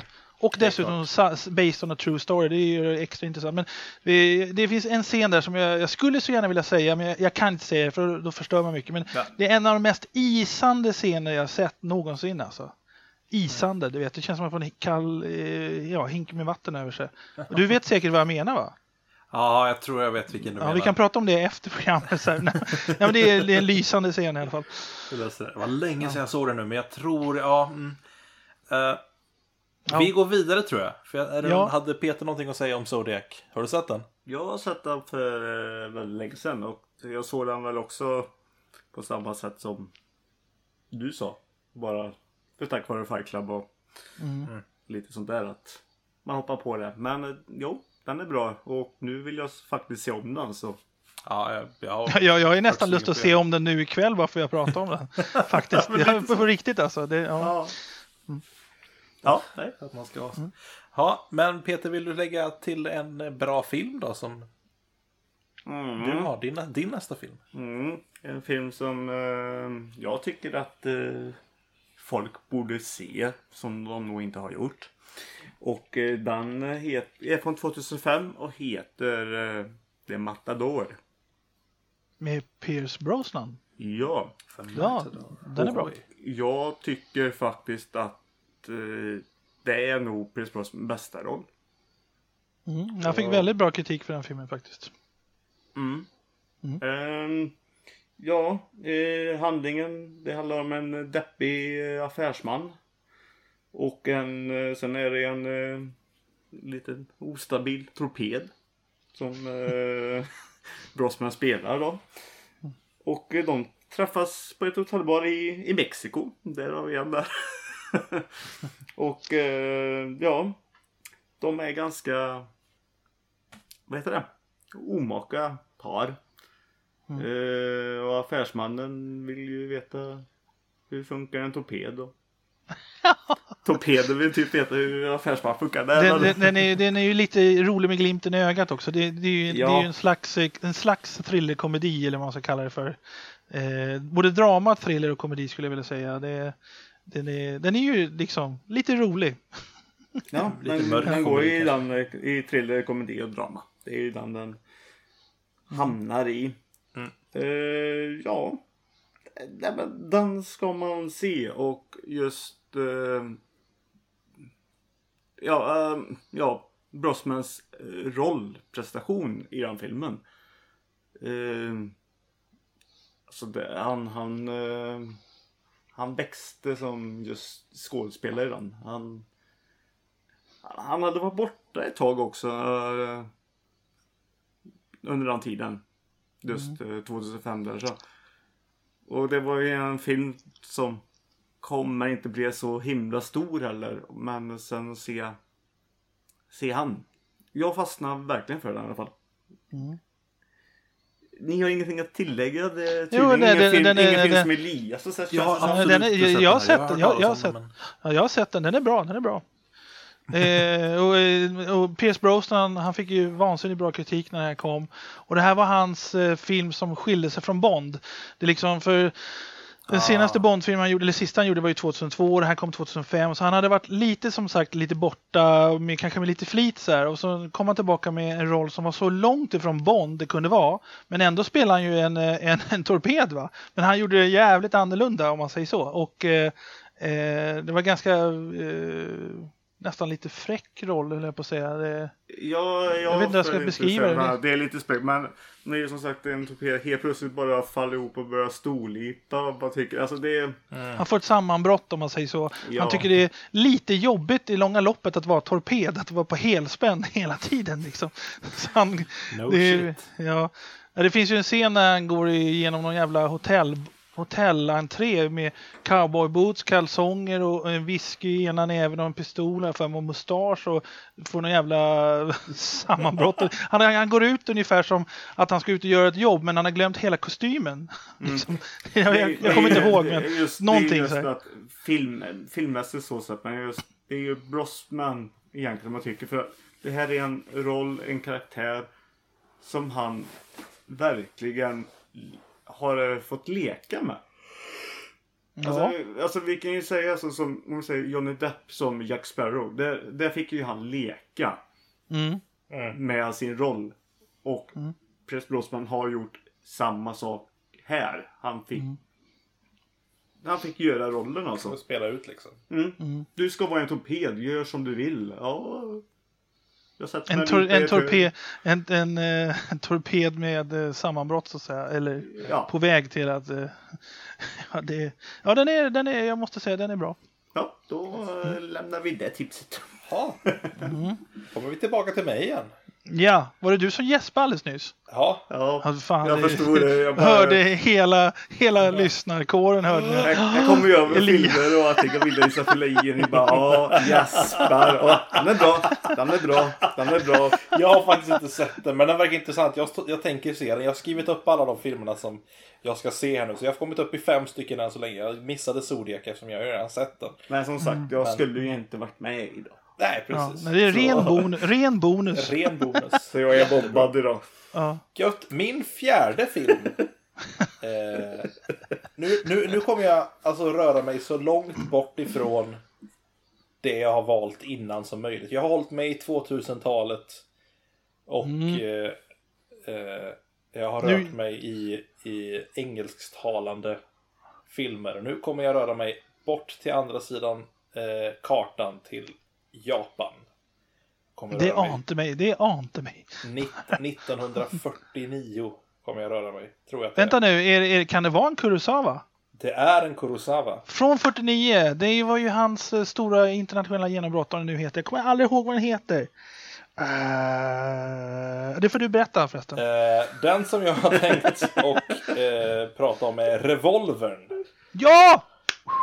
Eh, Ja, den är bra. Som är en... Eh, Ja, alltså jag, jag gillar Kurosawa och det Ja, vet jag att Elias också. Kurosawa. Eli, Elias gör det också, så jag är väldigt överraskad att vi har detta bond med eh, Akira Kurosawa. Så vem att, kan eh, inte gilla Kurosawa? ja, det går ju inte. Va? Ja, alltså filmen som, som eh, på sitt, i sitt hemland hette alltså Nora Inu. Eller Revolven. Handlar om en, en man, en, en, eh, ja, en, en, en morddetektiv kan man väl säga. En, en homicide detective liksom som, som förlorar sin pistol. Eller Förlorar, sin revolver. Eh, Ja. Och eh, eh, blir rädd att, ja, men är, är, nu var det länge sedan jag såg den, men är det inte så att han, att eh, eh, han försöker att hitta den helt enkelt för att han är rädd för att någon ska begå Ja, precis. För det första är det en polisman får inte förlora sin revolver. Det brukar ju gälla i Precis. alla länder. Och det är ju en tjänsterevolver och han blir orolig för att den ska bli snodd och använd i rån eller mord och allting. Då kommer ju det kopplas till honom för att han slarvade bort den. Hade han inte slarvat bort den då och så vidare. Men sen händer det massa annat. Ja, fortsätt. Ja, precis. Eh, Mm. Han, eh, detektiven, huvudrollen spelas alltså av Toshiro Mifune. Som är, eh, ska jag säga, Kurosawas ständige rollskådespelare kan man väl säga. Det är eh, typ Japans eh, Clint Eastwood eller vad fan ska vi säga? Eh, Ja, inte Superduperstjärna. Superduperstjärna liksom. Ja, Mm. med, tanke, med tanke på att mycket av westernfilmerna är eh, inspirerade av Kurosawas verk. Så att det är inte alls fel att säga att han är Japans Clint Eastwood. Ja, han är, men han är också även ansedd så att säga bra skådis. För eh, han, han har ett stort brett register och eh, han, eh, vad jag vet så är han Japans number one liksom genom alla tiderna. Liksom Mm. det, det är, eh, han, är, det. han är verkligen kvalitetsskådis liksom. Ja, och det här, jag, jag, jag tror inte att det här är en film för alla. Jag tror Kan. att det kan vara så att den är lite långsam för vissa. Men gillar man western och gillar man suspense och, och liksom att vara på sin, sina två och liksom man kan klara av att den är lite långsam. Så är det, alltså jag blev helt blown away när jag såg den här filmen vet jag. Vi, jag- de, hade, de visade massa Kurosawa-filmer på eh, SVT. Eh, och jag tittade på den, jag tittade på The Hidden Fortress, jag tittade på eh, Sju samurajerna första gången, tittade på Revolvern. Eh, och eh, Revolvern var, eh, den, den, den fångade mig på något sätt. Det är, fast, det är ju ingen western, det är, bara så att lyssnarna vet. att Det är, det är en kriminalhistoria. kriminalhistoria liksom. Fast den är filmad väldigt mycket som Kurosawa filmar sina filmer. ja. Väldigt med de här långa Mm. eh, shotsen på människor och, så vidare. Så den är bra. Den är bra. Så den Ja, tycker jag att ni ska se. Är det någon, har ni sett alla de här superfilmerna och alla som vi har snackat om nu men tänker att vi ska röra er bakåt i tiden. Så Revolvern från 1949. ja, den är bra, helt Mm. klart. Den heter Stray, Stray Dog på engelska. Den heter eh, Nora Inu i originalspråk. Så nu kan ni hitta. Och, och om inte folk har sett någonting av Akira Kurosawa så kan vi ju naturligtvis rekommendera De sju samurajerna som är en av världens mest kända filmer. Men också Yojimbo från 61 Ja. som för en handfull dollar bygger på. Och sen också en av Ja. mina absoluta topp 10-filmer, det är Vägvisan från 1975. Eh, Jag vet inte om du har sett den? För det är ta mig fan en vacker film alltså, svinbra. Mm. Det är också en av hans bästa. Ja. Eh, du, har ju, du har ju The Hidden Fortress, alltså, eller den hemliga flykten, eller vad heter den? Den stora, den stora flykten. Ja. Heter på svenska. Eh, Som inspirerade Star George Wars. Lucas Precis, Star eh, Wars. till att göra Star Wars. Ja, Kurosawa, det är, det är, det är eh, Kurosawa, Hitchcock och Kubrick och några till. Det är så här som man så att säga bör ha sett filmer av. Ja, Eh, för det gör att man eh, då fattar man film, film lite bättre helt enkelt. För då fattar man att det här är mästare som jobbar. Ja, men verkligen. Och så många som blev inspirerade, som blev storstjärnor. Eh, Ja. Som är inspirerade av Kurosawa. Det, eh, Ja. Han är en av de stora helt enkelt. Och det här som du valde nu, vad jag har förstått så var det hans genombrott 1949 internationellt. Så. Mm. så det här är en tidig Kurosawa. Ja, det var därför jag tänkte. Det, jag menar, man skulle kunna ta klassikerna, men jag tänkte jag vill ha den här som är lite mer eh, hans första, den som var lite mer eh, obskyr. Det var ett jäkligt bra val måste jag säga. Det överraskar till och med mig. jag är väldigt glad att du tog en film från 1900-talet överhuvudtaget. Ja, det kommer inte upprepas. Nej, nej, Va? Eh, Det kom... jag kommer ta en, en, eh, jag tror att du kommer bli ännu mer förvånad över mitt sista val, men eh, kanske inte på det bra sättet. Nähä, nähä. Okej, Peter, har, har du någon sista? Det var din fjärde det här va? Är det Peters fjärde nu? Det är din fjärde, hörru. Men P- Peter har väl en till film? Ja då, men det har väl du med. Ja, ja jag har det. Du har två. Jag tycker bara att Peter är så jäkla, jäkla tyst nu när vi pratar om Kurosawa. Vad är det som händer? Nej, jag lyssnar. Men jag skulle ju vara i bakgrunden lite idag. Intressant. Ja, okej. Ehm, eh, ja, ja, då är det jag då. Eh, det här är min fjärde film. Eh, då åker jag till 1987. 30-årsjubileum för en av världens bästa action-thriller-komedier. En Okej. film som var väldigt populär i Sverige. Med en väldigt dålig titel, fast det samtidigt är en väldigt bra titel, för det är det det handlar om. Eh, och det här var en hit. Eh, Det var den åttonde mest eh, populära filmen i USA 1987. Så det här är faktiskt en känd film. Men jag slår vad om att de flesta lyssnare så här 30 år senare inte har sett den. Roligt får se. Om, om någon av oss inte har sett den. Ja, men det är huvudsaken att ni inte har sett den, för då kan jag berätta och berätta. Nej, men det här jag pratar om är Spanarna, Stakeout från 1987. Eh, ringer det några klockor? Ja, alltså. Knappt. Nej, precis. Jo, både jag och nej, typ, fast om det är den jag tänker på, det vet jag inte. Det är med Richard Dreyfuss från Närkontakt av tredje graden och Hajen. Och Stakeout. Emilio, och Emilio Estevez när han på den tiden han var stor filmstjärna från du vet. Break, Breakfast Club och Young Guns och alla möjliga. Eh, och eh, vackra Madeleine Stowe i sin första film. Eh, regisserad John ba- av John Badham som är en väldigt, väldigt skicklig, kompetent regissör som gjort mycket hits. Eh, han har gjort eh, flera av mina favoritfilmer men han, har också, han är mest känd för eh, War Games som jag nämnde förut och Saturday Night Fever. Som faktiskt är en dramafilm. Många tror att det är en musikalfilm men det är ju fan inte. Alltså. Eh, nej, utan det, är, det, är en drama, det är en dramafilm som råkar utspela sig på disco och den gjorde disco stort 1977 liksom Mm. med världens mest sålda soundtrack eh, i många, många år. Eh, Eh. Ja, det första var för Stena Live hette tvåan va? Och det var väl ja. Sylvester Stallone då som... Ja, för fan, tvåan, det är bland det sämsta skit som gjorts på denna jord. Alltså, jag fattar inte. Att Travolta och Stallone, att de gjorde en sån skitfilm alltså. Det, det är en helt annan historia. Den, den är bland det sämsta skit som gjort Staying Alive. Uppföljaren till Saturday Night Fever alltså. Men första filmen, eh, det, det, det, det, är inte den vi ska prata om. Vi ska snacka om en ännu bättre film. Vi ska snacka om en av världens bästa action thriller-komedier, Spanarna. Det, det är eh, en väldigt, väldigt, väldigt, väldigt underhållande film. Det är en spännande film, ganska rå på sin tid. Den var ganska tuff i slutet, kommer jag ihåg. Eh, och då är det så här att det är en väldigt enkel handling. Två eh, detectives eh, ska då eh, spana på flickvännen till en, eh, en farlig brottsling som har flytt från fängelset. Och man tänker så här, ah, han, kommer, han är ganska besatt av sin före detta flickvän då. Att han kommer säkert komma hit. Så, här, och, eh, så då då ska de då spana på henne då. Och eh, jag har för mig, ja, det var länge sedan jag såg det, men jag har för mig att då, hon vet inte att de spanar på henne. Det är, liksom, det är bara en chansning att han ska liksom komma dit så småningom. Det är väl själva poängen också att eh, de inte ska vara upptäckta eller? Jo, jag, jag vet, men ibland kan det vara att, att det är så här, vet du, beskydd, vet du, beskyddsobjekt. Nej, men då är, det, så är det så här att Richard Dreyfuss som visar en ovanligt rolig sida. Alltså det här var den första komedin han gjorde i princip tror jag. Nej, nej, nej, nej han har gjort lite komedi innan. Men i alla fall. Han, eh, när den här filmen kom då kom han tillbaka från en jävla massa kokainlivföring eh, så att säga. Så det var hans comeback kan man säga. Och eh, han blir ju då kär såklart i den här eh, ex-flickvännen.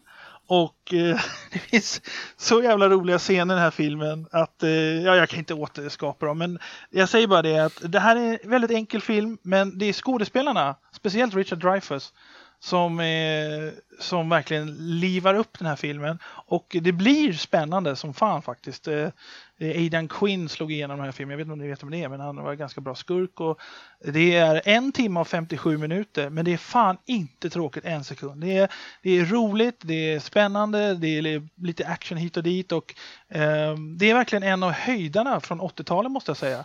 Det som känns nice. sorgligt bortglömd idag. Den, den står sig liksom mot andra 80-talskomedier som Russia. Ja, den står sig, den står sig, typ den står sig lite bättre. Ja den, stå, ja, den står sig lite bättre till och med. Alltså. Snuten i Hollywood, det är ingenting jämfört med det här. Snuten i Hollywood var underhållning, men det här är spännande, det är kvalitet, det är bra skådisar och det är underhållande. Det är liksom, eh, det är må hända den bästa av actionkomedier från 80-talet. Jag kan inte komma på något bättre. Sen fick den en uppföljare ja. sex år senare, men den var inte lika bra. Men i alla fall. Eh, eh, så det här, det, här är en, det är en ganska rolig scen i den här filmen som var improviserad. Det är så här att de här två poliserna, jag ska bara tala om det som är lite roligt då, det är att de sitter ju där och det är ganska tråkigt att spana. De sitter där i tio timmars skift eller vad fan det är, på dag som natt och de blir avbytta av två kollegor som är, de håller på att tjafsa med så här. Och, men i alla fall när de sitter där och är ganska uttråkade och tittar på typ ingenting så eh, det, dels så finns det ju naturligtvis den obligatoriska duschscenen som gör att han blir kär. Då. Men det är en annan sak. Men de sitter här och har så här filmfrågor mellan varandra. Och då var det en så här improviserad scen där då Emilio Estevez frågar Richard Dreyfuss, som alltså spelar i Hajen. Så frågan, eh, frågan så här, vad var det han sa? Eh, ehm, eh, This is not a boat accident. Och så frågar han Richard Dreyfuss, var kommer den ifrån, den, den repliken? En mycket känd film. This is not a boat accident. Och Richard Dreyfuss, han på riktigt, så visste han inte att det var hans egen replik från hajen. Du vet, när han, du vet, när han har skurit upp den där hajen så säger han ju så här, This is not a boat accident. Då, så han, stod, han, han sitter och funderar så här, What? You're kidding me. Eller, vadå, vad, kan det vara? Så, så det grejen var att eh, det finns mycket sådana här improviserade scener tydligen i den här filmen ah. som, som funkar så jävla bra alltså. Mm. Eh, och eh, ja, jag ska inte säga något mer, det, det finns inte så mycket handling egentligen. Det är bara skön jävla underhållning som är jävla top notch. Alltså. Det är sorgligt bortglömd, sorgligt bortglömd. Men alla som är i min ålder, 104 år, de lär ju minnas den för det var ju en hit i Sverige. Ja, och jag ska. Jag ska fråga mina föräldrar helt enkelt. Ja, vad fan. du, det, den var ju en stor hit på video också, du vet, eh, ja. slutet av 80-talet. Och jag vet inte, Peter, du borde ha sett den. Ja, eh, det känns bekant. Som sagt. Ja, jag, jag känner igen den ja. också, helt klart. Eh, det är bara ja, och, jag tror till och med att jag har sett delar av den. När han har gått på typ TV4 någon gång när jag var liten. Men jag tror jag, jag såg den, när du säger TV4, jag tror jag såg den på TV4 Film. Oj, oj, Ungefär när den lanserades. För, för jag tänkte på spanarna. Det är ju lätt att det förväxlas med spanarna på Hill Street. Och sen ja. spanarna. Det låter inte så exalterande va, spanarna. Men eh, Stakeout, det är skitbra film. Och hör sen. Det tycker jag. Ja, det är ja. Mm. Så ja. nu vet ni. Ja. Peters nummer fyra, har du någon bra? Ja, eh, jag tycker det. Ja, vad bra. Men omvärlden tycker inte det. Och... Eh, Får vi se. Det är lite udda som sagt. Men det är Life Aquatic. Ja. Den är bra. Mm. Men det tycker inte riktigt folk. För den hade ju alltså också en budget på 50 miljoner. Men intäkterna var bara 34,8 miljoner. Så han gick ju back lite. Ja. Eh, och eh, ja, den handlar ju om en eh, dokumentärfilmare som spelas av Bill Murray. Och eh, ja, han eh, har tappat gnistan för dokumentärerna. Eh, för hans eh, forna kollega där blev uppäten av en jaguarhaj. Och, och hans nästa projekt är ju då att leta upp den där jaguarhajen. alltså, det, det, du kanske ska säga att det är Wes Anderson som har gjort den här. Som har gjort också Royal Tenenbaums, mm. Rushmore och eh, suveräna Grand Budapest Hotel. Och, ja, och eh, eh, han är ju känd för att göra lite egna typer av filmer. Som är ganska roliga. Ganska roliga på ett udda sätt. Ja, och, det här är, hans, här är hans bästa film tycker jag. Faktiskt. Wow. Ja, men som sagt, rollistan är ju också ganska stor. Owen Wilson är ju med, Jeff Goldblum är med, William Dafoe är med. Du menar Jeff uh, uh, mm, uh, Goldblum? Ja, Okej. han menar jag. Ja. Eh, den är, eh, ja som sagt väldigt udda. He- hela, hela teamet är ganska udda karaktärer. ja. Eh, de gör sina egna ljudeffekter och sånt. Och man får faktiskt höra covers också av David Bowies låtar på spanska. Bara en, så, bara en sån sak.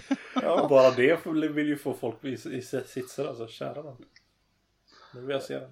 Ja, portugisiska var det. för- Nej men alltså. Eh, nej men det är eh, väldigt underhållande. Det, är en svag komedi. Den känns inte mycket. Och, men bara grejen han ser ut som. Alltså Bill Murray han ser ut som gammel-smurfen. De har blå kostymer och han har en röd toppluva och vitt skägg. Så Ja. och det är deras, hela filmteamet går ju runt i likadana kläder också. Så de har sina röda mössor, de är väldigt viktiga. Eh, ja, men det är en film jag faktiskt tycker folk ska se. Och den, ja hur var det? Den blev ju, den blev ju mer omtyckt på DVD och, och sånt där och lite efteråt. Men som en biofilm så slog den ju absolut inte. Men den har ju Nej, precis. Alltså den har väl... In, ingen kultstatus men den har ju fått en liten... Ja, men lite tror jag ändå att den har fått. Jo, det där är, det är en kult, kultfilm, det kan man säga. Jo, det skulle man kunna säga är en kultfilm, det är faktiskt. Mm. Men den, den är, visst är den svår att se men... eh, Det, det är ju också lite så här äh, en eh, tribute eh, och lite så här eh, till eh, Jacques Cousteau, han som var, eh, vad heter han, gjorde massa undervattensfilmer på 50-talet. mm. Eh, och eh, det här med mössorna och sånt där, det var sånt som han hade på sig, en sån här röd mössa hela tiden och höll på med konstiga, märkliga undervattensfilmer som var asbra alltså, som vann Oscars och sånt där. Han var verkligen banbrytande. Jag tror inte James, James Cameron skulle nog inte vara intresserad av undervattensfilmer om det inte vore för Jacques Cousteau och hans jobb förr i tiden. Men eh, eh, så det där med, den är, det är lite så här eh, en udda hyllning eh, och inte, jag skulle inte säga parodi men den är ju rolig filmen. Men eh, ja, Life Aquatic, det, är- den är störd på bästa möjliga sätt. Ja, ja, men det var den lilla udda filmen som många har eh, ja, filmer som folk ska se som de inte hört talas om. Det låter bra. Eller sett rättare sagt. Så ja. toppa det ni. Okej, då kör vi. Ja, då är Elias igen då. Ja, här är min sista film. eh, Och den här filmen eh, är lite av en, en, en jag tror att det li, kanske lite är av en guilty pleasure för mig. Eh, Men filmen heter Poltergeist. Ja. Av Troma eller? Inte Poltergeist, Poultry. Nej, Poltry. Ja, det är väl. Troma-filmer? Night of the Chicken Dead. Ja, just det. Helt fantastiskt. Eh. Det är eh, killen som gjorde, alltså en av, en, en av killarna som har regisserat The Toxic Avenger som är lite mer känd B-rulle. Ja, det är, det är Troma-filmer som de heter. Jag känner faktiskt dem. Michael eh, Lloyd Kaufman och Michael B. eller Hertz. Ah, trevligt. Faktiskt, ja, jag lärde känna dem 1990 faktiskt. det var ju Det är sant. intressant. Ja, fast jag har inte sett Poltergeist, men jag, jag, det är naturligtvis en parodi på Poltergeist. Ja, Ja. precis. Så här är, och, ni, och jag kan ju läsa plot summaryn direkt från IMDB. Det står Zombified chicken attempts to kill the fast food workers that cook them in a restaurant built on an ancient burial ground. Ja, det låter ju som en typisk Troma-film.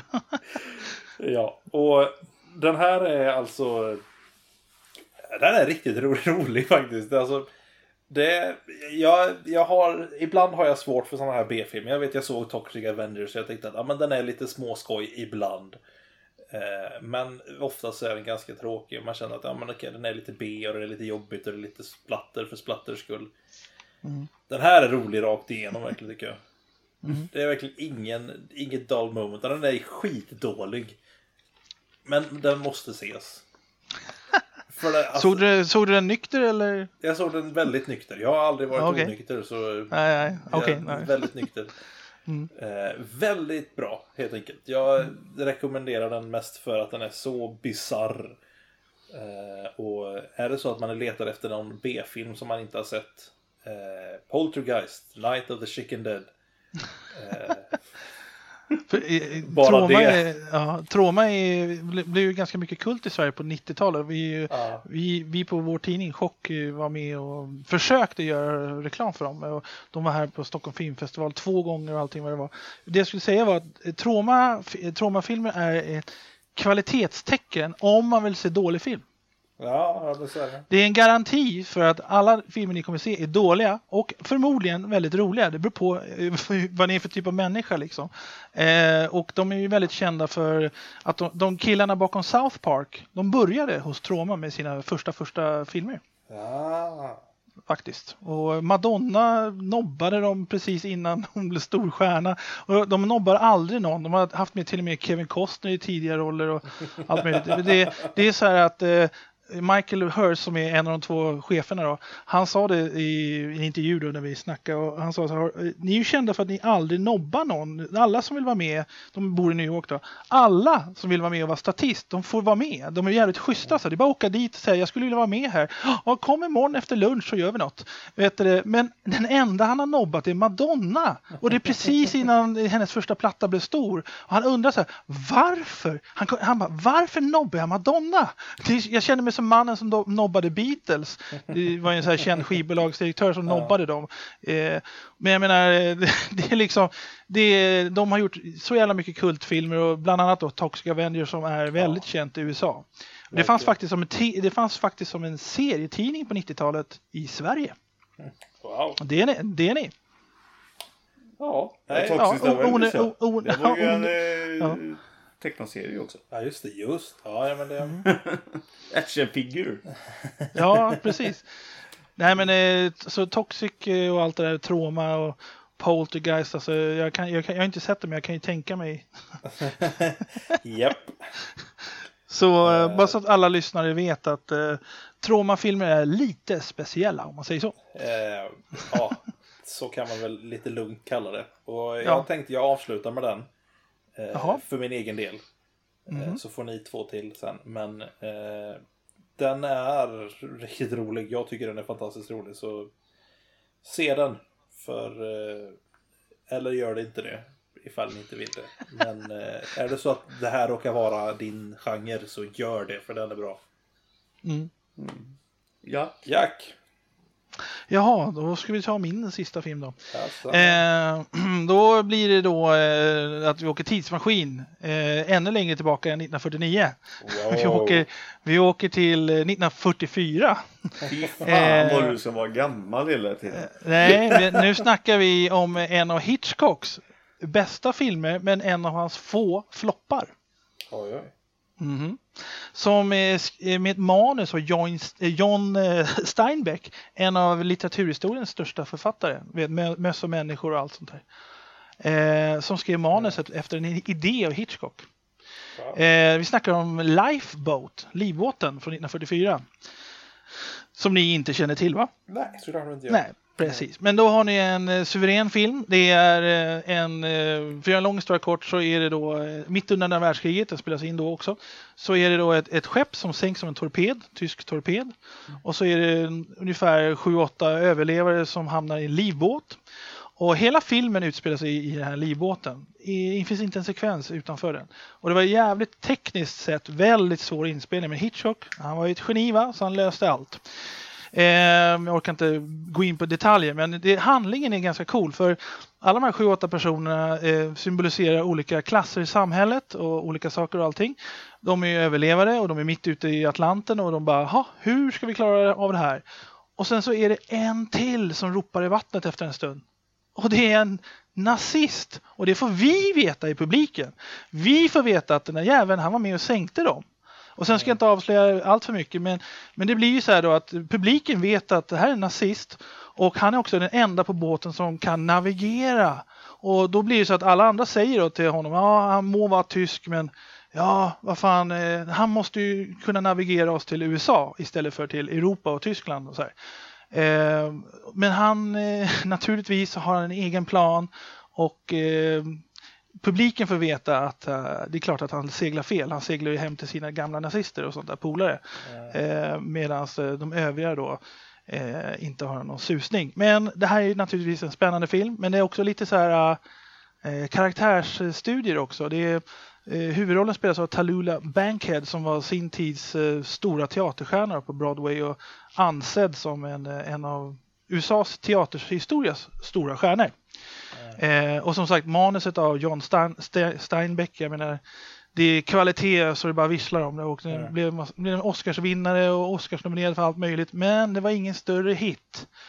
Så det här är verkligen en bortglömd superduper klassiker av Hitchcock tycker jag. Det, mm.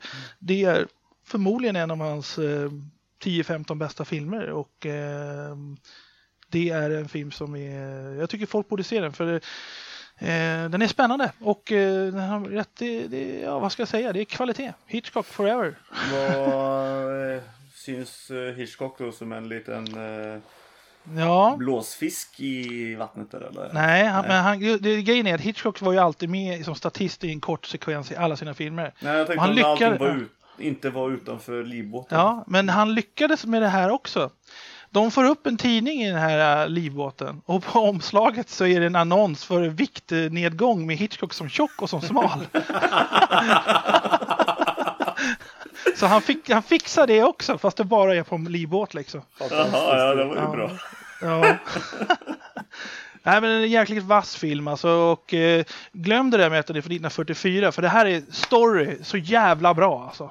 Um, jag visade för några polare förra, förra året som är i er ålder och de bara jävlar, jag trodde aldrig den skulle vara så jävla bra. Så, så det är en sån film. Magen. Vi kollar på ja. bilden där. Tjock, ut med magen, in med magen.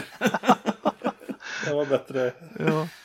Ja, Nej, men det, det, det, det, är, det är en riktigt bra film och eh, spännande och allting. Och det är ungefär som att hela andra världskriget minimerat till den här uh, livbåten. Alltså hela, hela grejen, alltså hela ja. vad kriget handlar om.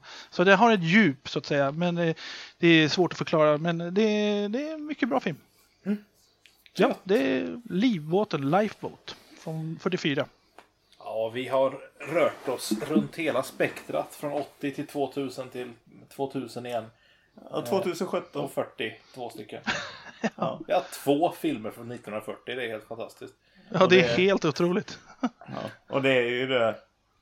Ja, jag måste ju citera Skeleton lite. Det är ju Cayman Rising där som har Vår lilla grottmänniska. Ja men fan, det är, historia. Man måste fan kunna lite historia. Alltså. Det är filmhistoria, absolut. Det blir ja. roligare då. Det blir roligare då liksom. Om, om jag, jag är mycket yngre än alla favoritregissörer, James Cameron och Steven Spielberg, George Lucas och alla möjliga. Och jag vill ju veta, vad var det de såg när de var 12 år? Vad var det som inspirerade dem när de var 17 år och så vidare? Och då blir det att jag blir nyfiken. Så tittar jag på deras eh, filmer också som de rekommenderar. Bland annat då eh, Kurosawa som George Lucas har pratat mycket om och så vidare. Mm. Och Sergio Leone, det pratar jag om eh, ja, Tarantino om hela dagarna och Sergio Leone han är ja, en av de bästa regissörerna överhuvudtaget. Ja. Fast han bara gjorde typ åtta filmer tror jag. Som också, de blir lite inspirerade av Kurosawa kan man väl tänka sig. Ja, lite grann. Fast eh, Leone han hade ännu mer eh, ja, egen stil faktiskt. Verkligen. Så att, men det är det jag menar att eh, det är intressant att titta i backspegeln för att förstå dagens eh, så att säga vy vi har på biograferna. Uh, då är frågan, har vi en, en sista film från Per, Peter? Nej? Du är nöjd? Du Spontant? Är nöjd. ja. Spontant, en film till. ja. Nej, men nej, behöver inte. Jag, nej, men jag kom faktiskt inte riktigt på någon. Uh... Det blev en topp 5. Det blev en topp 14 helt enkelt filmer som ja. du borde se. Eh, från eh, dystra eh, eh livbåten till eh, mindre dystra Poltergeist, Night of the Chicken Dead. Här har ni filmer som ni borde se, som ni antagligen inte hört talas om. Ja. Eh, framförallt den sista där. Men eh, i alla fall. jag är lite förvånad över att du faktiskt visste vilken det var. Men okej, okay, häftigt. Ja, nej, det... Ja, nej. Ja, ja, ja. Det är Ja. trauma som sagt. Precis. Ja. Gött, Ja. hörni. Eh, Var det något mer som vi skulle ha? Och annars så tänker jag att vi säger tack. Eh, Ja, och så får vi säga åt alla lyssnare att försök att kolla in alla de här och så kan väl ni mejla in till oss vad ni tyckte. Så här, var den här livbåten, var det så jävla bra egentligen? Eller här Poltergeist, var det så jävla kul? Eller var spanarna så jävla bra? Och då skriver ni förmodligen ja, den var bra. Ja, i alla fall. Ja, ja men jättegärna. Soff, soffhjaltarna.gmail.com För det vore kul i alla fall. Jag skulle gärna eh, läsa vad folk tyckte om de här tipsen. precis. Skriv in det. Antingen om ni skriver till oss på, på fejan eller på, på Instagram eller vart så läser vi det här. Eh, och ni kan följa oss alltså på Instagram, Soffhjältarna, Twitter, Soffhjältarna, Facebook, Soffhjältarna och soffhjältarna.gmail.com. Soffhjältarna helt enkelt. Ja, och hemsidan soffhjältarna.se. Mm, Ja, stämmer bra. Har du något mer du vill säga Peter? Ja, ja, det har jag faktiskt. Eh, Jag vill bara eh, få in eh, lite reklam, eh, om man säger så. eh, Om lite spel, eventaktigt nästan. I, I helgen så kommer 2 september där. Eh, Retrospelsfestivalen i Malmö. Eh, gillar man spela skit så dra dit. Vi Ja. vi kommer inte vara där. Men eh, ni kanske ser någonting från oss där. Så eh, passa på då. Ni märker det. Eh, Och sen eh, 15 september. Ja, jag skulle precis komma till det. 15 september så kan ni hoppa över till storstaden Stockholm. Och då är det Comic Con Sverige, eller Stockholm. Eh, där. Eh, Och eh, där är vi på plats. Fast bara Jack. Bara och bara. Det var ganska eh, häftigt att få träffa Jack. Jag med absolut. Ja, Det är bara jag hur mycket där. ni tyckte om eh, live i livbåten liksom. Jo, men Ja, exakt. eh, En av fem då är där. Eh, Och det är Jack. 20% soffhjältar. Ja. Ja. Ja, det är inte dåligt. Så jag menar, eh, om, ni, om det är någon lyssnare som eh, vill tacka för tipset och lugnt vatten var så jävla bra eller någonting. Då är det bara att komma fram och eh, jag må vara lång och farlig men jag är ganska ofarlig mot folk som lyssnar på soffhjältarna så det är okej. så att, eh, Så är det. och eh, det är, vad är det, tre dagar? Jag ska vara där alla tre dagar hade jag tänkt. Mm. 15, 16, 17. Och Mm. eh, det är klart om någon eh, kommer fram eller känner igen, jag vet inte. Eh, vem vet, ni kanske blir intervjuade. Mm. Ta, ta, ta. Vi kommer komma med lite mer eh, reklam om det längre fram och du kommer få lite eh, uppdrag om mig faktiskt. Ja, jag säger ju det, du är ju Big Boss. Ja, vi, vi säger det ja, men så är det inte. nej, nej, nej. Men Ja, ja. det var lite det jag ville faktiskt eh, få in som lite reklam. Ja. Vad som, kan, Malmö, eh, Malmö och Stockholm. som kommer och händer. Då säger vi hej då helt enkelt. Eh, och vi Och som- eh, Aha, ja. ja, och sen att eh, alla, eh, återigen, jag verkligen, verkligen, verkligen, det skulle vara jättekul om någon skrev om de här filmerna, glöm inte det. Mm, verkligen. Ja, Mm. Vi tar upp det på nästa eh, avsnitt, vi lovar. Eller näst, nästa blir det för antagligen så, ja, vi får se. Ja, det, det var ju förmodligen, förmodligen världens bästa topp 14. Det är inte många som har topp 14. Eh, tyckte ni om eh, rankinggrejen eller list, listgrejen så hör av er till det också så kanske vi gör någon liknande grej igen. Eh, vi ses. Ja, Eh, och hörs. vi hörs. vi hörs. Vi hörs. Ja. Ja. Vi ses och hörs om ni är på Comic Con. Ja. ha det bäst nu. Hej Ha då! det. Bye bye. That's it, man. Game over, man. It's game over.